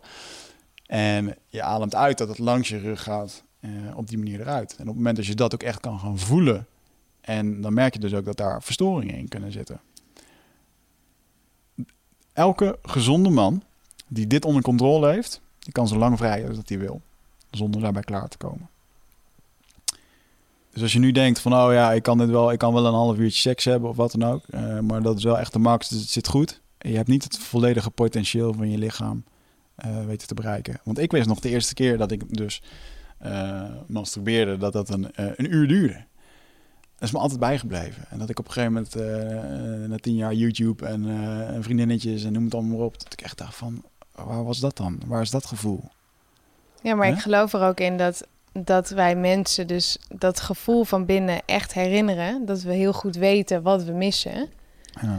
Uh, dat we er geen woorden aan kunnen geven of wat dan ook. Maar dat we dus buiten onszelf weer gaan zoeken. Ja. Dat gevoel wat we zo graag willen hebben. En dat gevoel met wat je, als je in je gevoel zit en je hebt die hartsverbinding en je hebt dan seks met elkaar. Mhm.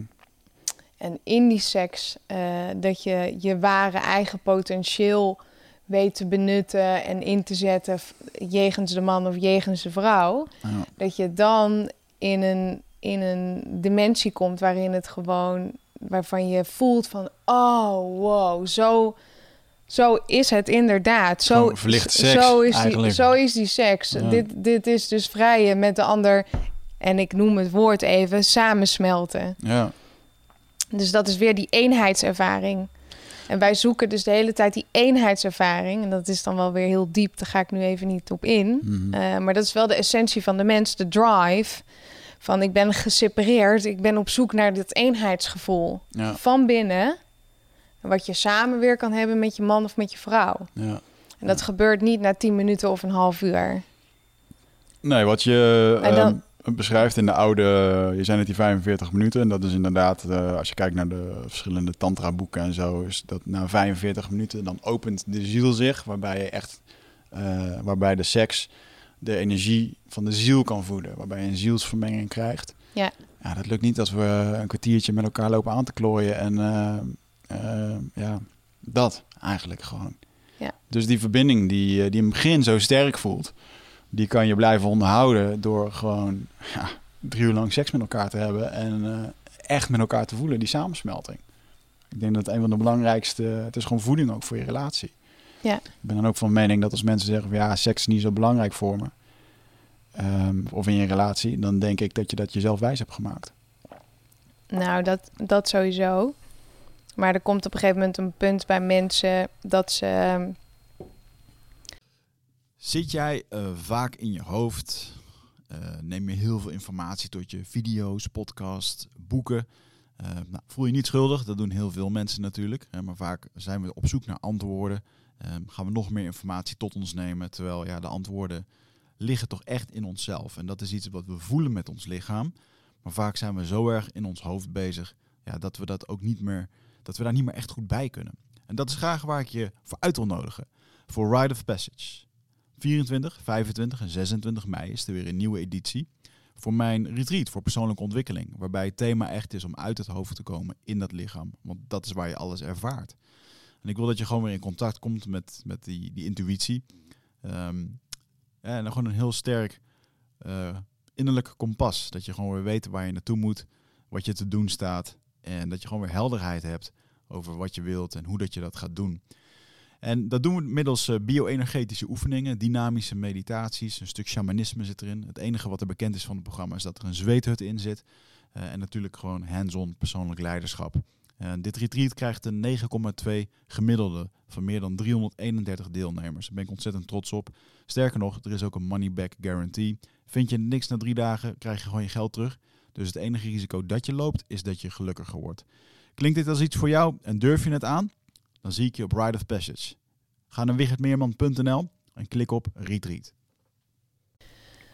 in een relatie zitten waarin zo lang geen seks is, of uh, de geplande seks, of uh, de seks van vijf of tien minuten, dat we daarna één keer in de drie weken seks gaan hebben, of één keer in de maand, één keer in de twee maanden, ga zo maar door. En uiteindelijk, um, om echt intiem contact te maken met elkaar, uh, want je kan geen intiem contact maken met jezelf, want mm -hmm. je, je staat blijkbaar niet in contact met je eigen lichaam. Ja. Dus dat is weer die verbinding met jezelf. Dus die eenheidservaring. Mijn hart, mijn lichaam, mijn ziel hè, of je hogere zelf ervaar ik door mijn lichaam. Dus als dat niet stroomt, dan, ja. gaan, er, dan gaan er ook... Dus bijvoorbeeld je ziel communiceert heel helder met je chakrasysteem. En dan gaan er chakras dicht. En dan stroomt het niet. Ja. Nou, en dan heb je een, uh, een punt waarin heel veel mensen zich verloren voelen... Mm -hmm. En gaan het dus dan elders zoeken. En dat noemen we dan vreemd gaan. Ja, ja.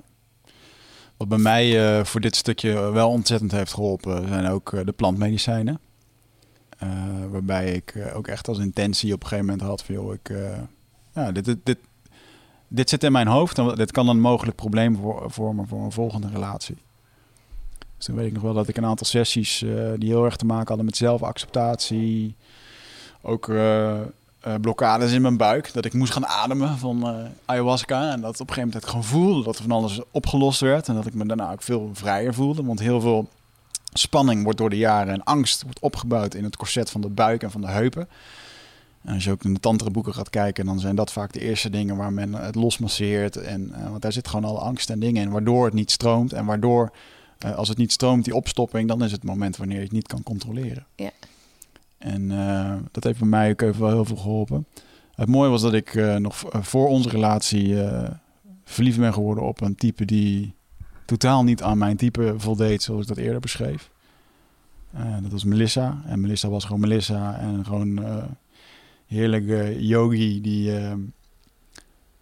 ik weet nog wel dat ik de eerste keer bij haar thuis kwam, dat ze gewoon in haar pyjamabroek rondliep. En dat ik dacht, waarom ben je niet helemaal updressed en uh, vol gemake-up, gemake-up en helemaal klaar voor dit? Maar die was gewoon, dat maakt haar niet uit, weet je wel. En dat vond ik, uh, vond ik wel heel mooi. En dat was helemaal niet het type waar ik uh, normaal op zou vallen. Dus dat was voor mij ook de eerste keer dat ik niet die projectie had van, dat moet het per se zijn. Ja. Zitten we hier een beetje over ons seksleven te praten? nou, niet over ons seksleven, maar over seks in het algemeen. Ja. Maar het is wel een big issue, denk ik, voor heel veel mensen. Ehm, voor de mensen die dit ook luisteren, joh, eh, als je dit soort gesprekken hebt met vrienden of met vriendinnen, dan weet je gewoon dat het bij een hele hoop ja, niet op orde is. Dat het niet fijn voelt. Ja, ik geloof ook, eh, wat ook wel even mooi is om te, te vertellen, is vanuit de vrouwenkant, is ehm, wat de impact is van porno kijken. Ehm, dat je man dus porno kijkt. Eet ik ondertussen even een banaatje. Dus de impact is, ik weet nog ehm, dat ik er af en toe wel mee geconfronteerd werd in, in de relatie met eh, Rutger. Rutger die, eh, die handelde toen ook in porno-dvd's. Daar kon toen op een gegeven moment had ik dat in mijn hoofd wel een beetje zo gekaderd eh, in een kastje gepropt van nou, dat is gewoon zijn werk. hij kijkt dat helemaal niet, Ja. weet je zo. Maar ik was destijds zo jong en zo schreeuwend onzeker en ik had mezelf zo niet geaccepteerd dat dat natuurlijk gewoon dikke bullshit was. En ehm, mijn relatie die ik daarna heb gekregen was eh, met Eddie. En Eddie, eh, ja, die keek gewoon veel porno. En die had veel vrouwen, om het gewoon zo te zeggen. Dus wat het met de vrouw doet, of wat het met mij gedaan heeft en eh, met gesprekken met andere vrouwen, ehm, is dus in eerste instantie heel veel verdriet. En denken dat wij dus niet aan een bepaald beeld voldoen. Dus eh, we moeten blijkbaar hele grote borsten hebben. Onze vagina moet er ook op een bepaalde manier uitzien. Hmm. Eh, we moeten op een bepaalde manier onszelf helemaal zo gedragen en bewegen gedurende seks om dus aantrekkelijk te zijn. Matrozen pakken aan. Matrozen pakken aan, corsets, eh, sexy lingerie, ehm, gewakste benen, ge- gewakst alles. Ehm, en vervolgens moeten we ook nog op een bepaalde manier gaan praten tegen onze man. A.k.a. We zijn zo niet in ons eigen lijf aanwezig. Want we zitten alleen maar met ons hoofd dat helemaal in te vullen. Om vervolgens dan seks te hebben met de man. Waarin wij eigenlijk helemaal niet aanwezig zijn. Want we zijn totaal disconnected van hoe we eigenlijk zelf seks willen hebben. Nou, Het beste wat je kan doen is een gesprek hebben over waarom. eh, ik kan me nog heel goed herinneren dat ik wel eens eh, het huis binnenkwam eh, bij Eddie. En dan hadden we het wel op de tafel liggen, het onderwerp porno kijken. En dan hadden we afgesproken dat ik, als ik achter de computer ging, dat in ieder geval de geschiedenisbrowser gewist zou worden. Dat ik niet gumshots.nl, weet ik dat ik allemaal niet zou moeten zien. Dat dat in ieder geval, eh, nou ja, ik had daar in mijn grens in aangegeven dat ik het fijn zou vinden als ik dat dan niet zo zou zien. Hmm. Ik weet ook nog heel goed dat ik het huis binnenkwam en dat ik echt dacht, nou, er is er gewoon een hele dikke orgie eh, aan de gang nu in het huis.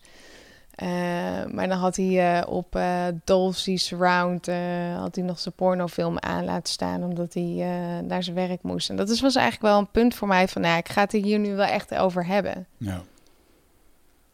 En dat erover hebben is al een heel stuk zelfliefde en zelfacceptatie naar jezelf toe. Omdat je naar je eigen hart luistert als vrouw zijn. En dus ook liefdevol je eigen grens trekt. Ja. En ehm, dat was ook wel heel mooi. Want ik, ik wilde gewoon ook gewoon op tafel leggen van... ehm, vind je mij aantrekkelijk? Hoe zie je mij? Hoe, hoe, hoe kijk jij naar porno? Eh, wat is jouw blik op porno? Waarom kijk je porno? Eh, wat voel je als je porno kijkt? Het is gewoon Mhm. echt een heel open gesprek. Hetzelfde als als je lasagne aan het eten bent. Eigenlijk zoiets. Ja. En dat bracht heel veel luchtigheid erin. Omdat je het er, omdat je het er gewoon over hebt. Dus dan wordt het niet zo'n zo'n big issue meer. Wat je dan eh, wil verstoppen of zo. Nee, het is gewoon out in the open. En we hebben hier gewoon even samen een gesprek over. En daardoor wordt het voor die ander ook niet meer zo'n weggemoffeld dingetje. Ja. En ehm, kun je er samen dus gewoon op een hele volwassen manier, losgekoppeld van je eigen bedoeling, hè, van je eigen emoties en projecties, kun je er gewoon even naar kijken en kun je er een goed gesprek over hebben. Ja. Ja, ik heb echt eh, met deze lieve man, eh, kreeg ik toen ik 21 was, Hij was 31, deze lieve man was 10 jaar ouder. Joh. De jarretels, pakjes, ehm, huis helemaal gepimpt, hele scènes bedacht, eh, hoge hakken aan. eh, met drugs, zonder drugs, noem alles maar op. Gewoon alles kwam, wat, wat je uit een goede Godfather-film kan bedenken. Die scènes, die heb ik allemaal wel gespeeld. En het is zo enorm Vlak. pijnlijk uiteindelijk voor jezelf om te zien wat je met jezelf aan het doen bent en dus ook naar de ander, want die ander die houdt datzelfde beeld dus ook omhoog. Ja. Want hè, jouw beeld is dus precies hetzelfde geweest als mijn beeld. Ja. En dat ligt er wel aan dat wij, en dan wil ik dan toch ook zeggen, want daar kom ik nu steeds meer achter, ook met, met de bewustzijnsschool. Joh, of je krijgt het mee vanuit je ouders. Nou, ik heb nooit echt opvoeding gehad in seks van mijn ouders. Dat was gewoon een boekje. Hier, mocht je vragen hebben, dan weet je me te vinden. Ja. Maar daar was gewoon geen, geen openheid tot gesprek. Seks was eh, iets vanuit films of eh ja, grappen met je vriendinnetjes. Maar weet je, goede stevige eh, sekstalk op je school, op de middelbare, dat je 14 bent, fucking waardevol. Ja. Gewoon onwijs waardevol. Nou ja, bijvoorbeeld zo'n boek als The Way of the Superior Man, waarbij gewoon het lichamelijk systeem wordt uitgelegd. Wat je als man, waar je aan mag conformeren, wat wel normaal is. Dat is goede kennis. Ik bedoel, Ja. en, eh, maar nu zitten kinderen van 16 jaar onzeker met eh dikke pills en eh, growing shit en allemaal supplementen om maar, noem het allemaal op, om aan het beeld te voldoen. Ja. Wat je net noemde van eh scènes met, eh, met drugs en dat soort dingen, dat is op een gegeven moment een ding waar ik mezelf heel erg in heb gevonden. Want in die drugs, eh, met drugs, ja, dan, dan voel je niks meer. Dan gaat het allemaal wel, dan kon je, kon je die scènes bouwen die je wilde. Oh ja. Hè? Dus ook de porno-scènes kon je Ja. daarmee manifesteren. Ik bedoel, eh, ehm, ik heb nu toevallig iemand gesproken die... ehm ehm, ken je de flashlight? Wat is van gehoord? Nee, Dus dat, is dat. een zaklamp in de vorm van een vagina. Dat is een mannelijk speeltje. En ik eh, ken iemand in Amerika waarvan de stiefvader verantwoordelijk is voor dit product. Wereldwijd grote hit. En eh, die mocht dus op een gegeven moment ook mee naar die eh, scènes. ehm, voor promotie of dingen. Dat zat hij dus in, eigenlijk was hij in één keer vertegenwoordiger in de, in de porno-industrie. En die werd dan wel eens meegenomen naar scènes op zo'n film. En die zei dat het echt overal met eh, van injecties tot en met pillen, kan, Viagra, noem het allemaal maar op. Eh, daar is helemaal niks. Ja, er is niks echts aan. Wat aan die filmpjes of Aan die, gewoon nou ja, aan die, aan die hele pornofilms. industrie. Aan die pornofilms, dus eh, behind the scenes. Oh, En ja, zijn het dan neppiemels? Nou ja, ja dus weet ik wel wat ze allemaal doen. Maar inderdaad, eh, eh, als je mensen eh, ziet dat ze injecties in hun piemel zetten om, om hem hard te laten houden zo lang. En van dat soort scènes. Ja, dat is best wel intens. En dan zitten, we- dan zitten wij en dan zitten mensen, jongens van 16, van 15, die zitten zichzelf helemaal gek te maken achter een computertje. dat het ook zo moet. Ja, en vrouwen ook. Vrouwen Ja. die kijken naar dat soort dingen, maar kijken ook, kijken ook vooral eh, naar tijdschriften en eh, naar dingen op eh, online. En denken echt serieus dat dat de waarheid is. Ja, Denken echt serieus dat vrouwen er echt zo uitzien. ja. Nou ja, en dan kijken ze in de spiegel en dan en zonder zelfacceptatie, zelfliefde, overvloedige kennis over ehm, hoe het mentale gestel werkt, hoe je lichaam werkt, hoe je energiesysteem werkt, hoe je ziel werkt. Geen kennis, geen ontwikkeling, geen opvoeding gehad op scholen daarover. En vervolgens, ja, zie je dat beeld en zie je dus blijkbaar de zelfverheerlijking van de mens dat het blijkbaar zo eruit moet zien. Ja. En vervolgens eh, kijken ze in de spiegel en denken ze, maar ik zie er helemaal niet zo uit. Nee. En dan gaat, serieus, ik was laatst, eh, oh dat is eigenlijk ook wel leuk. Dat was een cadeautje van jou voor mijn verjaardag. Eh, mijn eerste verjaardag, 12 februari. Toen kreeg ik een cadeautje van Wichert, waar ik toen nog eh, mee aan het daten was. En dat was een eh tegoedbon voor de soapstore Ja. in Amsterdam. En ik mocht daar mijn nagels laten doen. Dus mijn, mijn, mijn vingers en mijn, mijn voeten. En ik zat aan een tafeltje en dat heeft best wel impact op me gemaakt. eh, aan een tafeltje waar zo'n eh, meisje me- mijn nagels aan het veilen was. En ik was een beetje met haar een gesprekje aan het hebben. En toen zei ik, eh, toen zat ik om me heen te kijken. En toen zag ik eigenlijk dat alle meisjes op elkaar leken. Mm. Ergens. Dus in het gezicht. En toen zat ik daar een beetje zo naar te kijken. En toen zei ik, eh, goh, wat doen jullie hier nog meer allemaal? Nou, we hebben hier massages en... eh, eh, maar we doen ook eh, boven, hebben we ook eh, ehm, botox en fillers. En zat ik naar te kijken. Toen zei ik zo, oké. En hoe loopt dat? Ja, dat loopt echt onwijs goed. Het is altijd druk. Ik zeg, oké.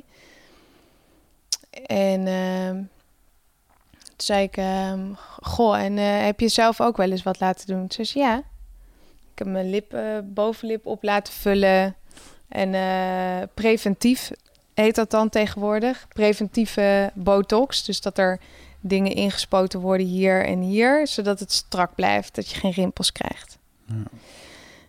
En toen keek ik eigenlijk naar al die meisjes. En die meisjes waren allemaal in de leeftijd van, laat ik even zeggen, 19 tot in de medio 30. Ja. En die hadden allemaal botox. Hadden allemaal fillers. ja, het is gekke werk. En moet je nagaan, als je straks 35 bent en je bent 17 nu, of eh, 19 of eh, 22. Ja.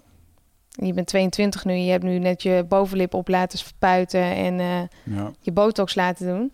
Moet je nagaan hoe je eruit ziet als je 40 bent. Ja. ja, dan komt ook de verslaving in werking, dat je het keer op keer wil doen. Eh, Nee, maar dat, is, het- dat ook maar het beeld.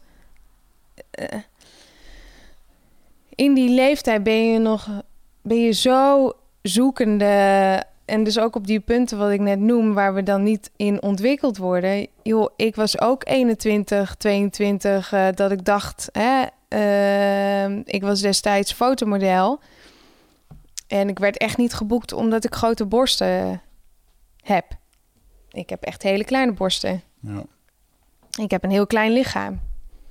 En ehm, dat hele kleine lichaam is heel lang. Ja. Maar dat kleine lichaam eh, ehm, vind ik heerlijk. Maar destijds vond ik dat helemaal niet heerlijk. Dus met, met, eh, met mijn werk destijds eh, en een relatie te hebben met Eddie. En dus zo ver van jezelf afstaan dat je echt naar buiten kijkt in plaats van hoe je je van binnen voelt. Ja.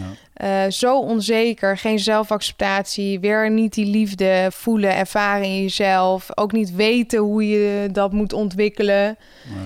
Ehm, bijvoorbeeld met een dankbaarheidsoefening. Vervolgens heb ik echt eh, met, eh, met heb ik gespaard. Nou ja, dat was zo gedaan met dat werk. Dat ik gewoon eh, plastic, eh, plastic in mijn lijf wilde doen. Gewoon Plastic ehm, tieten. plastic tieten, om het even zo te zeggen. Om mijn borsten te laten vergroten. ja. En ik, ik, ik weet nog dit zo goed, maar dus heel veel vrouwen en mannen, mannen doen het ook, hebben dit moment niet gehad. Ehm, dat ik twee, eh, twee, drie dagen voordat ik eh, naar mijn eerste afspraak ging om eh, mijn borsten op te laten meten en te kijken van hoe groot ik ze dan zou had willen hebben. Ja. Dus ik had een beetje zo gevoeld en gedacht, nou ja, een mooie volle B-cup of C-cup, dat is wel mooi. Ja. Het staat wel prachtig met dat kleine lijfje van me. En ik weet nog zo goed dat ik vervolgens wakker werd en ehm, naakt door het huis liep. En vervolgens stond ik voor een grote spiegel. En eh, ik zat naar mijn lichaam te kijken. En in één keer kreeg ik de stem van mijn hart. En die zei: Wauw, je bent wonderschoon. Ja. Je bent gewoon wonderschoon. Ik zat naar mezelf te kijken in de spiegel. En ik voelde echt dat ik gewoon... Ik heb een gezond lichaam. Ik ben sterk. Ik ben gewoon prachtig zoals ik ben. Ja. En dat ik echt gewoon tien minuten naar mezelf heb gekeken. Vol liefde. En acceptatie. Ja. Een paar minuten later heb ik de dokter gebeld en gezegd... Yo, eh, laat, die, laat die onwijs mooie vulling eh, maar zitten. Ja. Er zijn heel veel vrouwen die nu met dat soort zakken rondlopen. Die vervolgens gaan lekken. Of eh, bacteriële infecties. Of de, de gevolgen van nadien zijn zo enorm slecht voor je lichaam. Maar ik heb dat gehad toen ik 20 was, 21, die, dat inzicht. Ja. Ja, het is wel bizar. En nu, ehm, destijds was ook botox echt moeilijk om aan te komen. Dat was gewoon fucking duur. Ja. Nu kan je naar de soapstore of naar een andere mooie winkel ergens in Amsterdam. En dan kan je gewoon, uh, je hebt botoxfeestjes. Ja. Ja, dan gaan we, komt gewoon uh, de, de, de, de, de, dokter komt Ja. bij je thuis langs. Niet meer een Tupperware feest, maar zet gewoon de spuit in je voorhoofd en uh, huppatee. Lekker met vriendinnen allemaal. Uh... Maar je bent, je bent, je hebt zelf nog niet het besef dat je altijd heel compleet en perfect bent. Dat totale besef vanuit je hart dat je altijd heel compleet en perfect bent en dat je prachtig bent. Ja. Ja, ja dat is uh, lastig op die leeftijd. Vriendjes en vriendinnetjes is ook een belangrijke invloed. Wat jij zegt, al die meiden die daar werken, dit hebben dat. Dat zijn ook dezelfde soort typetjes. En die gaan met elkaar om. En... Maar het is vooral media. Ja. Joh, als ik... Uh, ik heb wel eens gehad hoor, dat mijn ouders me niet herkenden op de foto's. Had ik groene ogen. Ja, gefotoshopt. En, ja, uh... of ik had uh, meer haar. Of nou ja, dat dan niet. Maar, ja. Of dan had ik grotere borsten. Meestal kreeg ik grotere borsten. Ja. Ja, dus wat doet dat ook met zeg maar, de persoon zelf? Ja. Oh, misschien moet ik dus groene ogen hebben en grotere borsten, want dan ja. ben ik mooier. Ja, ja zo kan je jezelf lekker verpesten met je, met je gedachten. Ook, het is een wissel, wisselwerking ook. Hè? Dus het heeft heel erg mee te maken dat ten, ten zeerste, en daar sta ik helemaal voor, uh, eigenaarschap. Mm. Want daardoor kan je vanuit binnen zelf veranderen. Maar we leven nog steeds wel in een wereld wat een bepaald beeld voorschotelt. Ja. En dat beeld is niet realistisch. Nee. Ah. iedereen die hier rondloopt on planet Earth is prachtig, heel compleet en perfect. Ja. Echt prachtig. Je hoeft dat uh, pakje met de charretels en de hoge hakken en de nepborsten en... Uh... Ja, maar het is echt... Uh, als je daarmee bezig gaat om daaraan te werken, dan uh, loop je van een heel dik ijs, waarvan je denkt dat het heel erg stabiel was en dat het was, loop je op een gegeven moment op ontzettend flinterdun ijs. Als je dan je nieuwe uh, relatie ingaat, ja, dan kan één opmerking of scheve blik kan heel, kan een gek het hele circus weer aanzetten in je hoofd. Dus dat ervaar jij zo? Nee, ja, ja, ja, natuurlijk wel. Tuurlijk. Ik had een heel beeld en op een gegeven moment dacht je van, nou, ik wil dit anders. En uh, je gaat met je lichaam aan de slag. En op een gegeven moment komt dus weer die date. En ik zal je eerlijk zeggen, uh, uh, in die tijd daarvoor, tussen, tussen Christine en Lirette in, um, was ik af en toe op tijden zo onzeker, onzeker van mezelf. En ik, ja, ik kreeg genoeg, genoeg aandacht of opties om met mij te gaan daten. Of ik had mijn babbeltje altijd wel klaar. Ik heb vaak dates uh, laten lopen. Ja, ik moet morgen werken, kan niet. Omdat ik me onzeker voelde. Omdat ik bang was voor de confrontatie. Van, fuck, het kan straks alweer gebeuren dat, het, uh, ja, dat ik weer niet aan mijn beeld voldoe. Uh, nou weet je, dan laat ik het maar varen. En hoe heb je dat dan bij mij gevoeld? Of wat ervoer je toen? Nou, ik zat toen wel beter in mijn lichaam. Ik heb toen ook een... Uh, heb toen ook mijn burn-out ervaren daarvoor. Dus ik heb toen ook wel echt gewoon leren voelen veel wat speelt er nou in je lichaam. En um, veel meer daarmee bezig geweest. En ik heb toen, wat ook een hele goede voor mij is geweest, om jezelf te verdiepen in het vrouwelijke systeem. En uh, bijvoorbeeld dat een vrouw, er is niet uh, één systeem hoe dat het werkt. als je kijkt naar jouw hele gestel, dan er zitten zoveel zenuwbanen en dingen en wat een vrouw fijn vindt. En het is, een het is een persoonlijk verhaal. Het is geen algemeen verhaal dat als je dit doet, wat je gezien hebt in een pornofilm, dat het dan ook werkt of dat het hè, aansluit bij die ander. Het is zo ontzettend um, secuur. Dus wat ik, uh, daar heb ik me heel erg in verdiept. Dus dan is het ook fijn om die kennis te hebben en uh, ook met jou te delen. En uh, ook vrij vroeg hebben we daar volgens mij al gewoon gesprekken over gehad. Ja. En Um, wat je net zei, inderdaad, dat een vrouw op elf verschillende manieren kan klaarkomen. Ik denk dat heel veel vrouwen die denken, ja, geen idee, of die kunnen niet klaarkomen. En mannen denken dat het maar op één manier kan. En terwijl dat de meest oppervlakkige manier, uh, manier is. En welke is dat? Ja, dat is gewoon clitoraal. Ja, maar heel veel vrouwen denken ook dat dat de enige manier is. Ja, terwijl je gewoon... Ik dacht dat, ik, in mijn hoofd dacht ik dat ook. Terwijl ik wel lichamelijk veel meer ervoer als ik seks had met... Uh, ja als ik seks had. Ja. En ervoer ik ook gewoon dat ik op andere manieren in hele andere stukken van mezelf kwam. Dat ik dacht, wow, Ja, het is geweldig. Maar dat dat klaarkomen was op verschillende manieren, wist ik ook niet. Ja. Totdat ik uiteindelijk dat ook wist.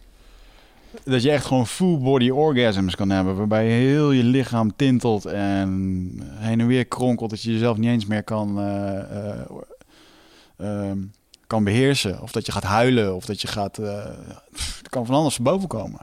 Want eigenlijk gaat er in één keer heel veel energie stromen. En dat lost op.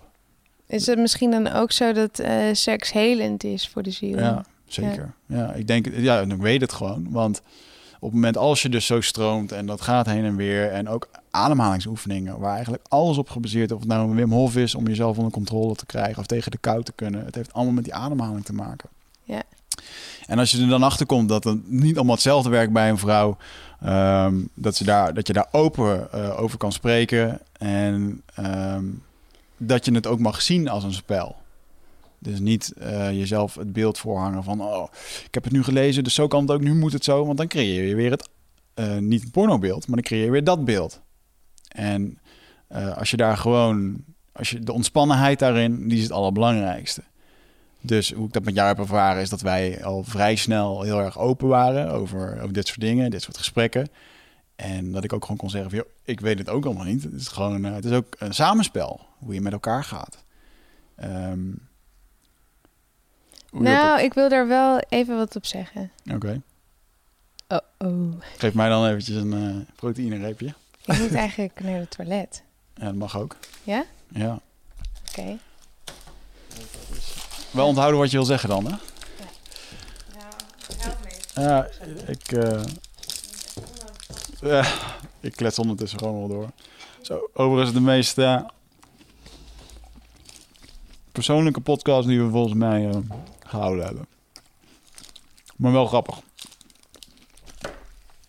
Het zal je verbazen. Als je alleen al kijkt op internet hoeveel dat je over dit onderwerp kan vinden. Hè, met allerlei advertenties en eh, sms'en om een vriendin te krijgen. Hoe kan je het beste een Tinder match krijgen? Het hele verhaal, joh. Maar lopen onszelf helemaal gek te maken over dit soort dingen. En hoe meer je daarin gaat geloven, hoe gekker dat, het, eh, dat je het jezelf maakt. En laat ik vooropstellen, het is wel superleuk om gewoon eh, leuk te kunnen tinderen uit te gaan, mensen te ontmoeten. Eh, het is ook leuk om, eh, om dat soort tactieken die je allemaal hebt geleerd, om dat toe te passen. En de menselijke psychologie. Dat is allemaal fantastisch. Maar goed, uiteindelijk moet je jezelf wel lekker bij voelen. Here she comes. Oké, wat had je bedacht?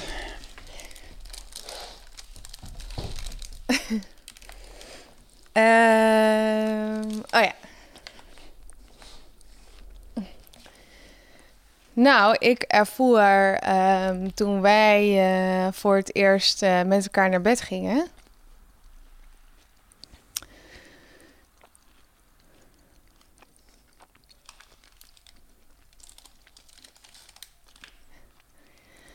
ehm, voelde ik heel goed aan dat je gespannen was. En dat je heel erg in je hoofd bezig was met iets. En dat iets. eh, dat Wat was dit waarschijnlijk? Ja.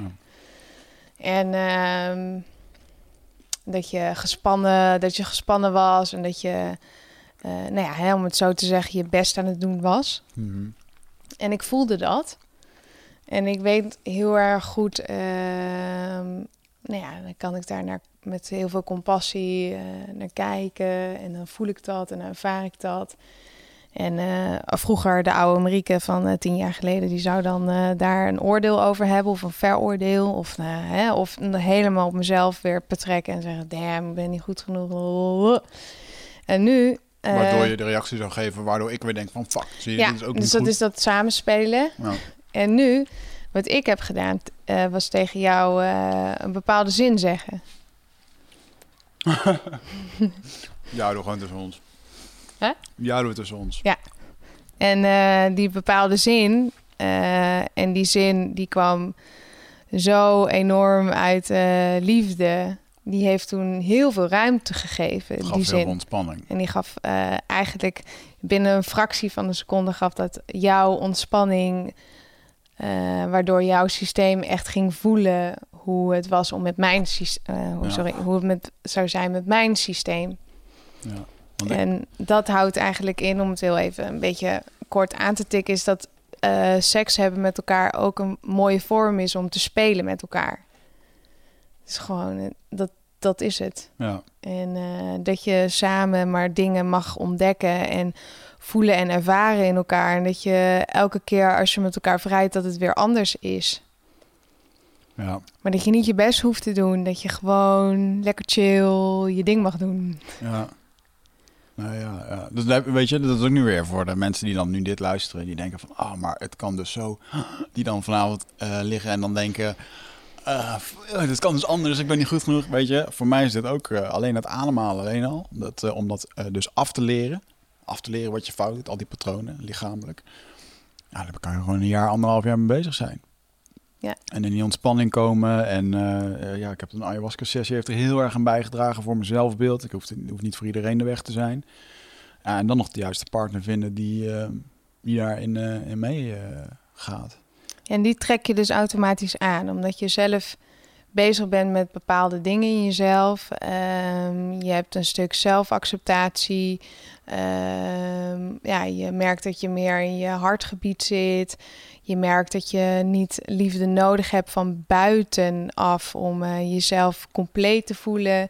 En dan op dat ene moment komt die ene liefdespartner voorbij Nou, dat is het moment eh, waarin beeld ook geen rol meer speelt, maar dat je gewoon kan kijken en kan zeggen: Wauw, wat Ja. fijn dat jij er bent. ik weet nog wel, als we even verder gaan op eh, hoe wij gingen met onze relatie. Dat we op een gegeven moment gingen daten. Toen eh, tijdens de podcast, eh, die was opgenomen in februari, toen hadden we nog niks. Nee. Want jij wilde gewoon, eh, jij zei gewoon letterlijk van joh, ik zie het nog niet voor me. Ik weet niet, ik vind het nu wel leuk, maar Nou, dat heb ik niet gezegd. Ja, maar je zei in ieder geval, ehm, eh, ik weet het gewoon nog niet. Dat zei je. Ja. Ja. Ik Terwijl, wil ook heel even uitleggen wat ik weet niet betekent. Oké. Ehm, of voor mij betekent dat ehm, dat eh, ik weet het niet, mij volledig de toestemming geeft om te voelen en te ervaren hoe het is met die ene. Mhm. En los van tijd en ruimte. Dus los van de tijd, los van ehm, een route die je moet eh, bewandelen als je aan het daten bent. Er moet dan een eindpunt zijn, of dan moet er een relatie komen, of dan moet, of moet, of moet. Ja. Maar doordat ik tegen jou zei, ik weet het niet. Ik vind het helemaal heerlijk met je, maar ik weet het niet. Ik wil dat beeld zelf ontvangen vanuit mijn hart, Mhm. van wat ik zie. Dat, dat heb ik toen destijds tegen je gezegd. ja. Ja, dat eh, deed met mij wel wat van, eh, oh, eh, ben ik dan niet goed genoeg? Ja, joh, het liefst wil je eigenlijk zo snel mogelijk het labeltje, hé hey man, dit is mijn vriendin, weet je. Want dat geeft dan een valse zekerheid. Hm. En ehm, ja, ik weet nog wel dat je me dat wel een paar keer spiegelde. En dat voelt ook helemaal niet fijn voor een vrouw om zo ehm, gejaagd te worden. Dan gaat de relaxedheid er ook af, denk ik.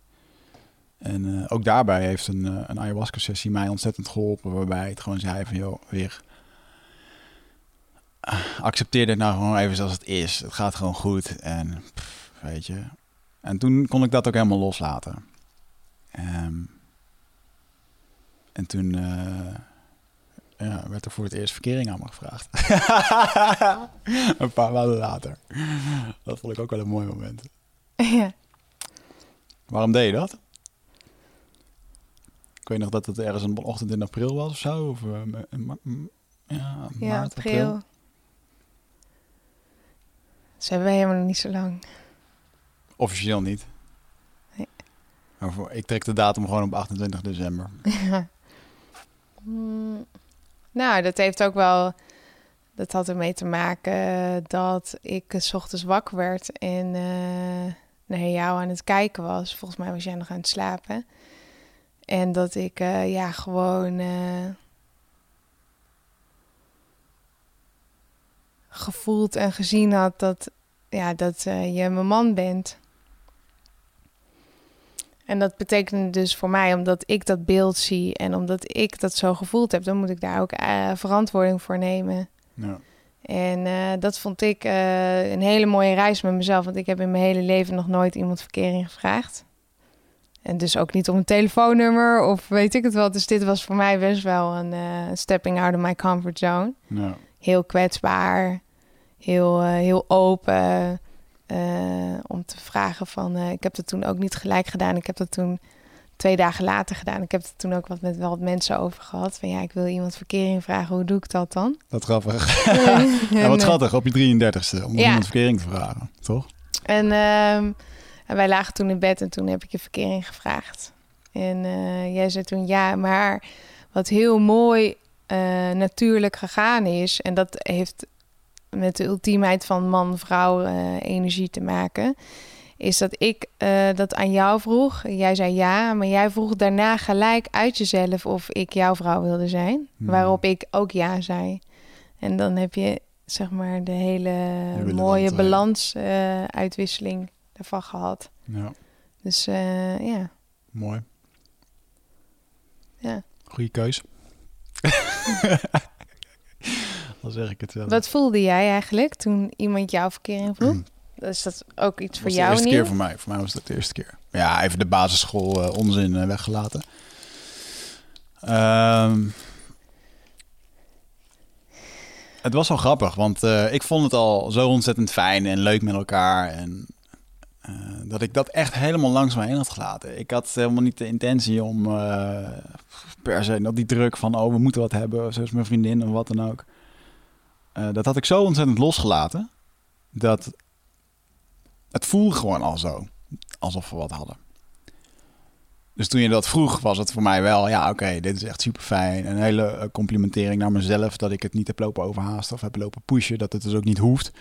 Omdat het ook gewoon vanzelf gaat. En uh, ja, natuurlijk is het wel een hele... ja, het is gewoon mooi. Het is dan toch gewoon uh, de, de, bekroning op je geduld en op de, de liefde die je hebt uh, laten zien aan elkaar. Dus ik vond het wel heel mooi. Ja. Dankjewel dat je dat hebt gedaan. Jij ook, dankjewel. En toen zijn we eigenlijk een... Uh, ja, goed, we hebben nu uh, een goed jaar zijn we dan bij elkaar. En we zijn leuke dingen aan het doen met elkaar. We hebben lekker uh, met elkaar gereisd. We hebben een hele hoop coole, samen dingen, coole dingen samen gedaan ook met elkaar ondervonden. En je komt je oude angsten weer tegen en dat soort dingen. Uh, we zijn ook lekker samen aan het ondernemen geweest. Jij bent super goed bezig geweest met je school. Daarvoor zat je vorige keer natuurlijk hier in de studio. Ja. En uh, ja, uh, we zijn samen natuurlijk ook wel daarin aan het kijken wat we samen kunnen doen. Eindbasis is onwijs gegroeid. Het is een heel mooi jaar geweest. En wij gaan een lezing geven ook, hè? In uh, februari. Ik ja. kwam terug uit de jungle en toen werd ik in één keer op het podium gevraagd van de bewustzijnsschool. Uh, wij gaan een lezing geven. Ja. Wat voor lezing uh, gaat het worden? Ja, het gaat eigenlijk een lezing worden over liefde en relaties. Ja. Eigenlijk, en eigenlijk dit. Eigenlijk dit. Um, merk gewoon om me heen heel veel mensen die er hier vragen over hebben. Ja. En uh, bij de bewustzijnsschool uh, geven we onwijs veel mooie lessen. En ook over zelfliefde en zelfacceptatie en compassie en hartenlessen en zo. Maar we hebben geen uh, les over een relatie, een liefdesrelatie. Nee. En um, ja, wij hebben op een bepaalde manier een liefdesrelatie. Ehm, die voor mij heel ja, heelzaam en heel heilig voelt. En ik geloof erin dat heel veel mensen ja, daar wel geïnspireerd door kunnen worden. Ja. Dus toen Wigger terugkwam van de jungle, heb ik hem gevraagd of hij samen met mij hier een lezing over wilde geven. En niet dat wij hier dan natuurlijk onwijs experts in zijn. Nee, dat was het eerste wat ik kreeg te horen van iemand. Van, wat ga jij nou? Geen mensen adviseren over relaties? Nou, ik zei dat niet, maar gewoon gewoon vertellen over onze. Ja, we gaan alleen maar uit onze eigen ervaringen praten. En uh, hoe zijn blik is, hoe mijn blik is, hoe onze blikken zijn. Uh, hoe we dingen ervaren, hoe we dingen doen met z'n tweeën. En wellicht dat er uh, ja, mensen zijn die dat inspira inspiratievol vinden. Ja. Ik geloof best wel veel. Ja, en ik denk ook wel... het is ook gewoon grappig om... Want niet veel mensen durven hier zo kwetsbaar over te praten, zoals we dat denk ik nu hebben gedaan. Eh, en ik weet zeker dat er nu een hele hoop mensen zitten achter hun oren te krabben van... Hmm, dat klinkt interessant. Eh, ja, dan nodig ik je zeker een keer uit om met je, met je partner of, of alleen gewoon eh, langs te komen. Ja. Gezellig kletsen. Wanneer is het? Hebben we een datum al of niet? Volgens mij... Volgens mij net na mijn verjaardag, 12 februari, jongens en meisjes. Ehm, Donderdag 16 januari zou dat, of februari zou dat dan moeten zijn. Ja. Ik heb hem nog niet in mijn agenda staan, maar bij deze. Dus dan moeten ze maar even op de website kijken van de bewustzijnsschool, denk ik. Hè? ja, en daar komt hij voorbij. Maar ik geloof dat hij ook wel hier geplucht wordt. Ja, zeker. Oké, ik, eh, hij staat er nu echt in, dus nu is het officieel. Ja. Hey, en met jouw school met... eh, ehm, ehm, het is wel mooi dat we hier zo van aan het praten zijn, maar ik eh, zie jou ook als... eh, ja, gewoon de, de ondernemer die het allemaal aan het doen is. En dat vind ik ook ontzettend inspirerend om te zien. En ik vind het wel heel erg mooi hoe dat jij op de school niet alleen mensen in het dagelijkse eh, zijn aan het, aan het supporten bent. Met allerlei allemaal mooie teachers en zo. Maar dat je ook heel veel, jij en ik zijn eigenlijk afgelopen. Jij was er al in betrokken in het coachen van mensen. Ook business coaching. Ja. Daar ben ik afgelopen jaar ook eh, lekker in gerold. Eh, ook de eindbazen. Dat heel veel mensen tegenwoordig vragen van, joh, eh, ja, kan je me helpen? Of ehm, ja, wil je, wil je me coachen? Kan je me helpen met dingen? En toen dacht ik eens van, ja, waarom, ja, ja, waarom ook niet? Dus dat ben ik gaan doen. Er is hartstikke veel lol in. Om te kijken uit je eigen ervaring, wat je voelt, hoe dat je iemand kan helpen. En dat is heel erg, geeft heel erg veel voldoening. Dus ehm, ook daarin hebben we besloten om eh, de handen samen uit de mouwen te steken. En eh, ja, jouw nieuwe projectje eigenlijk eh, te lanceren. Ja.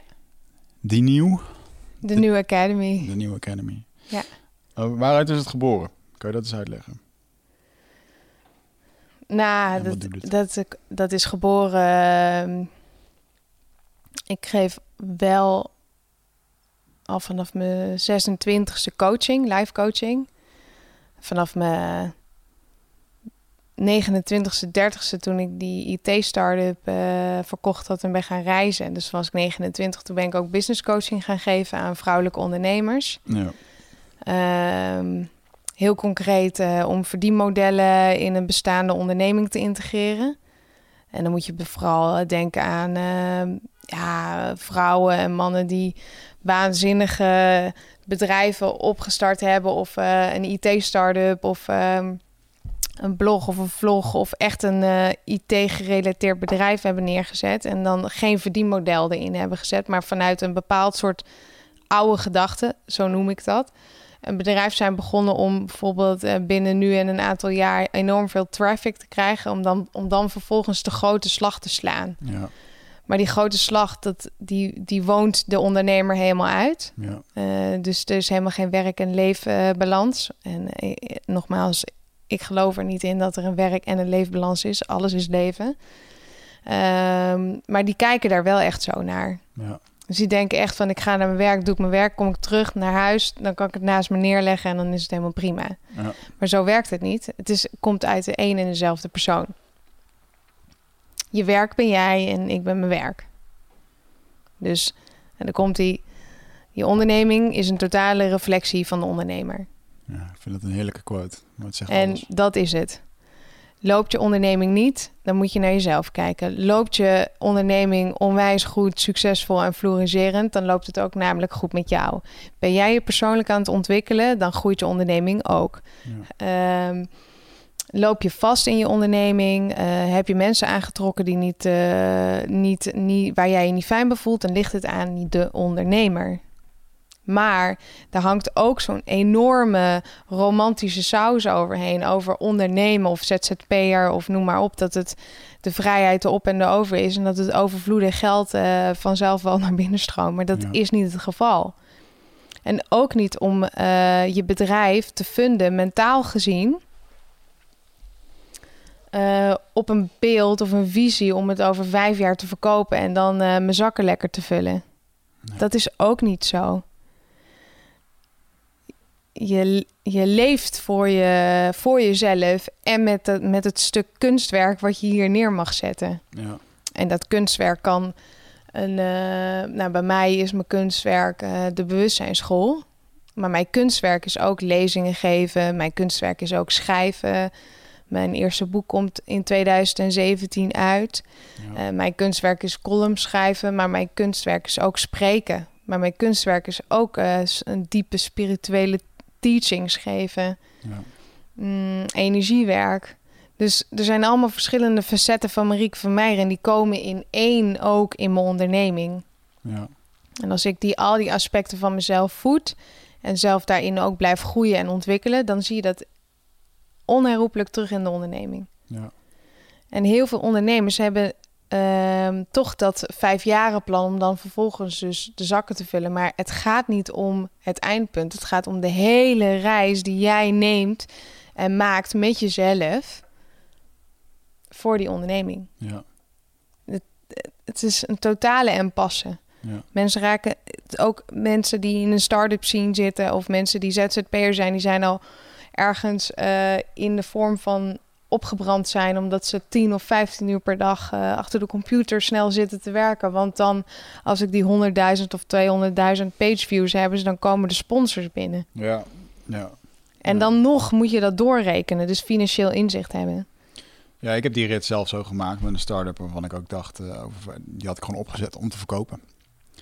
En ook hetzelfde idee, uh, groot worden in Europa, dat je dan wordt overgenomen door een Europese partij. Een waanzin idee, maar wel uh, waar een hele hoop mensen in geloofden. En, uh, en wil jij eens vertellen hoe dat dan afgelopen is voor jou? Ja, voor mij is dat afgelopen met een bedrijf waar de investering in een, een jaar tijd op was. Uh, waarbij je met je bedrijf min 90.000 euro uh, staat. Waarbij je dan vervolgens iedere maandag mag presenteren waarom het uh, ja, nog steeds niet lekker loopt. Dus er komt geen sales binnen? Er komt geen sales binnen. Je had geen, sterker nog, we hadden niet eens een product om te verkopen. Dus we moesten andere dingen gaan doen. Vervolgens moest ik in één keer dingen gaan doen waarvoor ik het bedrijf niet had opgericht. Maar dat bracht wel geld binnen. Dus ben je eigenlijk in één keer twee jaar bezig om daarmee die schuld weg te poetsen. Want ja, een investeerder die keek ook daarnaar. Uh, zelf had ik daar een hele verantwoordelijkheid over, over dat geld en over hoe dat ik het wilde. Ik maakte het ook heel erg persoonlijk, wat denk ik ook goed is voor je onderneming, maar er zijn wel grenzen. En ook om te kijken naar, uh, joh, hoe heb je nou je bedrijf opgericht? En ik, ik ben begonnen met een, direct met de visie die ik wilde. Ik wilde direct uh, de Google bouwen, bij wijze van spreken, even als metafoor. De Google wilde ik nabouwen met een budget wat nergens in de buurt kwam bij uh, zoiets, bij zo'n project. En met een idee waarvan ik dacht dat het goed was voor de markt. En wat ik later ben gaan doen in de tijd om wel geld te gaan verdienen, is dat ik met een minimaal bedrag, minimaal product, een minimum viable product noemen ze dat ook wel, mm-hmm. om vervolgens de markt op te gaan. Dus uh, oké, okay, uh, ik heb zelfs sterker nog, ik heb toen alleen een idee. En dat vond ik zo ontzettend mooi. En dat idee, dat heb ik vervolgens gewoon bij ondernemers neergelegd. En op een gegeven moment waren er gewoon mensen die kochten het idee terwijl het product er niet eens was. Mm-hmm. Voor, de, voor de hoofdprijs. En daarmee ben ik het product gaan ontwikkelen. Dus vervolgens heb ik toen wel een, een, een, een volgende slag kunnen maken dat het bedrijf wel lekker ging lopen. Alleen, um, ja, uiteindelijk ben ik daar gewoon in opgebrand. En uh, uh, door omstandigheden relatie uit te gaan, uh, tien maanden op kantoor geslapen, mijn huis ja. verlaten en noem het maar op. Wacht even. Uh, maar de vraag was, uh, heeft het je gebracht? Dus eh, om heel even aan te tikken, dus ik, dat is mijn intentie om een bedrijf neer te zetten om hem over vijf jaar met nee, ja, te verkopen. je hebt, waanzin. Je hebt je, je bedrijf uh, verkocht, maar je hebt er geen geldtransactie uitgekregen. Nee. Dus je, van verkoop kan je eigenlijk uit dat oogpunt ook niets. Nou ja, het is natuurlijk zo dat het wel wat waard was, alleen uh, je koopt je schuld af. Ja, dus je hebt ja. geen, uh, en dat is dus ook wat heel veel mensen uh, of ondernemers of uh, beginnende ondernemers met een waanzinnig idee en die dan uh, voor tonnen lenen bij een privé-investeerder, ja. noemen we dan angels, of bij een bank. Maar vervolgens moet je dat eerst allemaal terugverdienen, ja. om vervolgens dat je zelf echt wat gaat verdienen. Ja, want fris je er niet in als je gewoon 50% aandeelhouder bent van een bedrijf en er zit ton schuld in je bedrijf. Dat betekent dat 50% voor jou is. Ja. Dus als je een investeerder hebt die uh, zijn hakken in het zand zegt en zegt: uh, Nee, dit was de afspraak, ik krijg nog, uh, je wil nu weg, ik krijg nog 50.000 euro van je. Ja. Dat zijn de problemen waar je in kan lopen. En dat moet je ook beseffen als ondernemer zijnde. Ja, dit soort dingen leer je gewoon niet. Nee. Mensen hebben dus een bevlogen idee. En dan is het gestoeld vanuit het hart of is het gestoeld vanuit het hoofd. Die twee zijn. Ja, dat is een wezenlijk verschil hoe je ondernemersreis zal gaan zijn. Ja, Daar kan ik nu even niks anders of meer over zeggen, want dan kan ik helemaal losgaan. Ja. Maar uiteindelijk heb jij dus uit je hoofd een eh, bedrijf neergezet en eh, met een bepaald idee. Maar heb je er, heb je er niet op gecashed? Nee. Je, hebt je, je hebt een burn-out aan overgehouden en je, hebt ge- je bent blij dat je van het bedrijf af bent Ja. gekomen zonder schulden, zonder een soort van claim aan je broek. Ja. Hm. En dit gebeurt bij eh, menig mens. ja, Dus die kennis, die ontwikkeling, die educatie daarin, die hebben we ook niet gehad. We leren niet op de middelbare of de hogere school. Hè, ligt ook wel weer aan op welke hogeschool je zit of universitair. Maar we leren niet eh, wat zelfstandig ondernemerschap is. We leren ook niet wat eh, een bedrijf opbouwen is. Ik bijvoorbeeld eh, heb voor de bewustzijnsschool het minimale aan investeringen binnengehaald ja, om zo snel mogelijk op mijn eigen benen te kunnen staan. Ehm, voor jullie beeldvorming. En een mooie, goed uitziende lunchroom in Amsterdam kost een investering al meestal 2 tot 3 ton. Ja, dat is bizar. De bewustzijnsschool is 300 vierkante meter. Ziet er prachtig uit. Google het even, zou ik zo zeggen. En dat heb ik opgetogen met 75.000 euro. Ja, 75.000 euro. En, en de aandelen, eh, nou ja, ik ben groot aandeelhouder, dus dat zijn, eh, om het even allemaal op tafel te leggen, 92 procent. 92,8 procent. ja, En mijn, mijn hele bedoeling, en dat is een hele gezonde, natuurlijke manier van ondernemen, is om, omdat je vanuit een bepaald product, hè, om het even los te koppelen van mijn hart, ja, want het komt uit mijn hart, de hele school. Ehm, verkoop je. ja, En, en dus werkt het. En door die verkopen ga je eh, je, je leningen aflossen. En dat ben je twee jaar mee bezig. Dus eh, dan heb je over twee jaar je eigen bedrijf financieel rendabel. A.k.a. de ondernemer gaat er zelf aan verdienen. ja, En dan kan je ook bijvoorbeeld uit eh, visie, visionair beeld. Dus mijn visionaire beeld is bijvoorbeeld een stichting te, te openen en eh, geld daarin te doneren voor de wereld. ja, Nou, en dan komen dat soort dingen tot stand. Maar heb je een, een lunchroom of een onderneming met 2, 3 ton schuld erin, ja, dat betekent dat je het eerst allemaal terug moet verdienen. zeker. Dus dat is ook weer die ge- gecreëerde bubbel, maar ook weer dus niet die kennis die we niet krijgen. Ja. ja, als je kijkt naar Nutrifit, daar eh, is de eerste drie jaar eh, geen cent verdiend. Dat gaat allemaal terug in het bedrijf. En eh, een eindbazen, joh, je zit meer dan met de, met de zit meer dan 800 uur in. Ik weet wat mijn uurtarief is, als je het zo terug gaat rekenen. En die heb ik er niet aan verdiend nog. Maar het is nu wel mooi om te zien dat je in één keer in een soort sneeuwbaleffect zit, waar van allerlei gaat gebeuren. Ja. En ehm, dus wat wij gaan doen in de nieuwe Academy, om even het stapje te maken, want we hebben wat tijd tekort. Oh, oké. Eh, maar eh, in ieder geval wat we eh, willen gaan doen is dat eh, in de nieuwe Academy eh, we mensen gaan opleiden over persoonlijk ondernemerschap. Ja. Hoe ziet dat eruit? En eh, ja, er zit ook een stukje bij online. En wij gaan binnenkort voor, vanuit Eindbazen eh, een nieuwe training geven. Hoe word je een online autoriteit? Daarin pak ik al mijn lessen en ervaringen uit mijn eh, social media bureau. Want ik heb daarvoor eh, wel voor een hele hoop topmerken social media kunnen doen. En ook marktleider weten te worden in het segment fashion en retail. Wat een mooie prestatie was. Waar ben ik, ben ik steeds erg trots op. Ja. Maar alles ehm, omtrent social media, jezelf vermarkten en ook het begrip van social media, eh, online trainingen. Wat is dat nou eigenlijk? Want iedereen, elke coach die kennis heeft, eh, die kan dat delen op social media. Waardoor je van uren naar product kan gaan. Eh, In plaats van dat je uurtje factuurtje en moeilijk doet. Maar je kunt in één keer heel Nederland bereiken of misschien zelfs de wereld. Nou, daar heb ik de afgelopen jaren heel veel mogen leren. En ook les mogen hebben van de beste. Een of andere is Lewis House, een Amerikaan. Daar heb ik ook een cursus bij gevolgd. Elliot Hulse, een bekende Amerikanen. Die hebben echt goede kennis over dit, hoe ze dit gedaan hebben. En eh, ik ben dat met de laatste jaren maar gaan toepassen, ook met eindbazen. En er zijn echt mooie formules uitgekomen over hoe dat je jezelf neer kan zetten als online autoriteit. En wij krijgen natuurlijk heel erg veel autoriteiten hier in de studio. En wat ik helemaal uh, tof vind aan dit uh, trainingsprogramma is dat ik die er ook bij betrek. Dus je krijgt niet alleen training van mij hoe jij een online autoriteit kan worden. Wat je daarvoor moet doen, hoe dat. Uh, misschien wil je eenmalige programma's gaan verkopen, misschien wil je met lidmaatschappen gaan werken. Er zijn zoveel opties. En vervolgens wil ik je daarmee gaan eigenlijk laten zien hoe je dat kan bouwen zonder al te veel investering. En daarna hoe je jezelf dus kan neerzetten als die autoriteit. Met alle social media kennis die we hebben. En het mooie is dat je dus niet alleen les krijgt van mij, maar ook van eindbazengasten die uh, hier aan mee willen werken en exclusieve interviews hebben gegeven.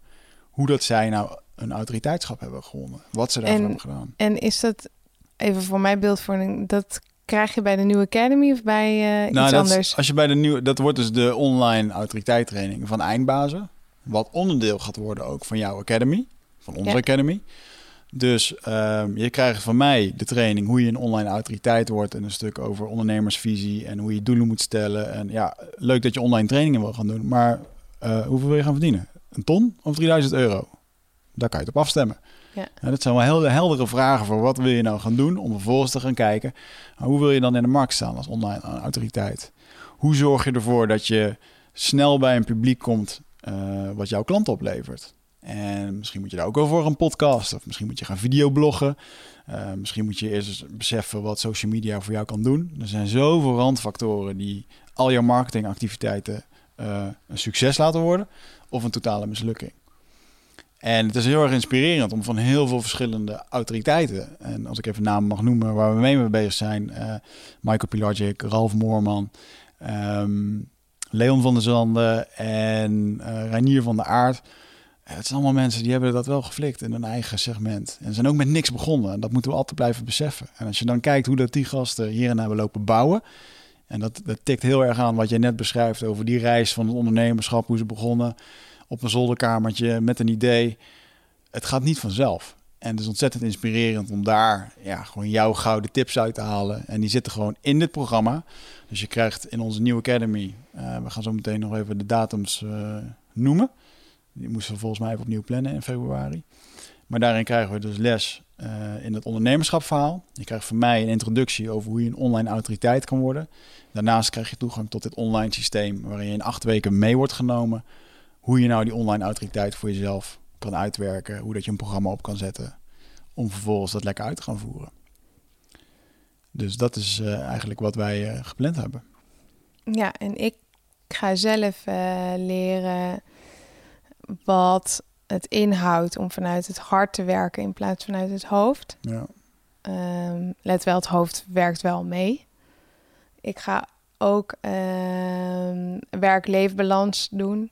Dat um, ook al ben je ZZP'er of in wat voor veld dan ook. Dus niet alleen uh, coaches, maar ook bloggers of vloggers, maar ook zelfstandig ondernemers met een eenmanszaak of uh, dat je drie man personeel hebt of vier man personeel. Dat je dus het werk en het leefbalans uh, goed hebt en gezond hebt voor jezelf. Uh, belemmerende overtuigingen, waarom je nou eigenlijk niet groeit. Want als we bij jou de belemmerende overtuigingen en blokkades hebben, dan stroom jezelf en stroomt je bedrijf dus ook. En ik zal ook een groot stuk doen over verdienmodellen, marketing en uh, hoe je een goed bedrijf uh, met een uh, goede naamsbekendheid neerzet. Ja. Dus kijken naar de bewustzijnsschool, ehm, hoe dat nu helemaal zo groeit en steeds groter wordt. En dat we mooie programma's neerzetten en dat die programma's allemaal uitverkocht worden. Uh, dat mensen lidmaatschap hebben, dat mensen dagelijks echt met je bezig zijn en met zichzelf bezig zijn. Ja, dan uh, dat is een enorme fijne of uh, bouwende kennis waar je je bedrijf op kan vinden. Ja, mooi. De meeste mensen zijn toch, toch maar iets aan het doen. Ja. Dus als je ja, dieper inzicht in jezelf krijgt en dus ook dieper inzicht in je bedrijf, dan uh, kan je niet anders dan groeien, want dat is de natuur. Ja, mooi. I like it. Ik heb er ook zin in om het te gaan doen. Dus uh, we hadden een datum gepland, hè, maar dit ging hem niet worden. Dus het wordt ergens in februari. Ja. Uh, mensen niet moeten... in mijn verjaardags. Nou, we gaan het nu niet plannen, maar mensen moeten maar even kijken. En, het worden twee dagen dat we echt les gaan geven. Ja, het worden twee volle dagen. Echt van 9 tot Ja, tot vijf ben je al bezig. Nee, van 9 uur s ochtends tot 5 uur s middags, Ja. 6 uur s middags. Misschien krijg je wat te eten als je goed doorwerkt. Ja, als je goed doorwerkt. Ehm, dus het zijn twee volle dagen waar je echt van A tot Z eh, door jezelf en eh, door je bedrijf heen gaat. Ja. Mooi. En ehm, ja, Ik hoop dat we het eh, meerdere keren per jaar kunnen gaan doen. Ja. En eh, ligt eraan hoe snel vol we zitten. ja, waar kunnen ze dan kijken? Ja, dan wordt op jouw website dan, hè? Ja. Mariekevermeijeren.com. Mariekevermeijeren.com. Yes. Ja. En eh, via eindbasis zullen we het ook nog wel pluggen. Dus ook als je deze leest en je denkt, januari is al lang geweest, want dat krijgen we ook heel vaak. Eh, ja, we zullen dit wel regelmatig gaan doen. Maar ik denk dat het concept heel erg eh, goed werkt. Ik denk ook dat je vooral heel veel moet kijken naar van wie wil je het leren. Dus als mensen heel erg resoneren met jouw visie en wat ze nu horen, ja, dan is dat hetgene wat je moet doen. En eh, ik weet nog wel dat Michael Pilarczyk dat ooit tegen mij zei. Eh, ik zat een beetje tegen hem te zeggen van ja, maar ik vind jou, eh, het is wel duur zo'n dag. 1000 euro moest ik betalen. En eh, dat hij toen zei, ja, zeg maar, van wie wil je het nou leren? Van iemand die het uit een boekje heeft? Of iemand die het echt heeft mogen ervaren? En ik ben eigenlijk ook gewoon heel erg trots op eh, voor alle dingen die we hebben en die we hebben mogen ervaren. En de mislukkelingen en dingen. En ja, dat je nu gewoon kan zeggen van, eh, we hebben dit gewoon gedaan. En we hebben nu wel gewoon iets wat werkt. Dat je Ja. er andere mensen mee kan helpen. En dat is wel echt een, eh, een mooi waardevol ding. Ja. Dus komen we tot een einde, lieverd. Superleuk dat je deze podcast wil doen. Ja, Je moet dit nog maar eens een keertje komen doen. Als we over de 100 zijn, dan moet je nog maar een keertje terugkomen. dan pas? Ja, misschien eerder. Oké. We gaan kijken. Dankjewel. Ja, En, jij ook, eh, dankjewel. Het publiek ook, eh dankjewel. Ja, ja. Eh, dit is dan eh, ook het moment dat ik eh, kan zeggen, lieverd, ik hou van je. Dankjewel. Tegenover een paar miljoen Nederlanders die dit luisteren. Dankjewel, lieve Wichard. Ik hou ook onwijs veel van jou. Dankjewel. En luisteraars, ik hou ook onwijs veel van jullie. Want zonder jullie kon dit allemaal niet bestaan. Dank jullie wel ook allemaal weer voor het luisteren. En tot de volgende keer. Ja, ciao.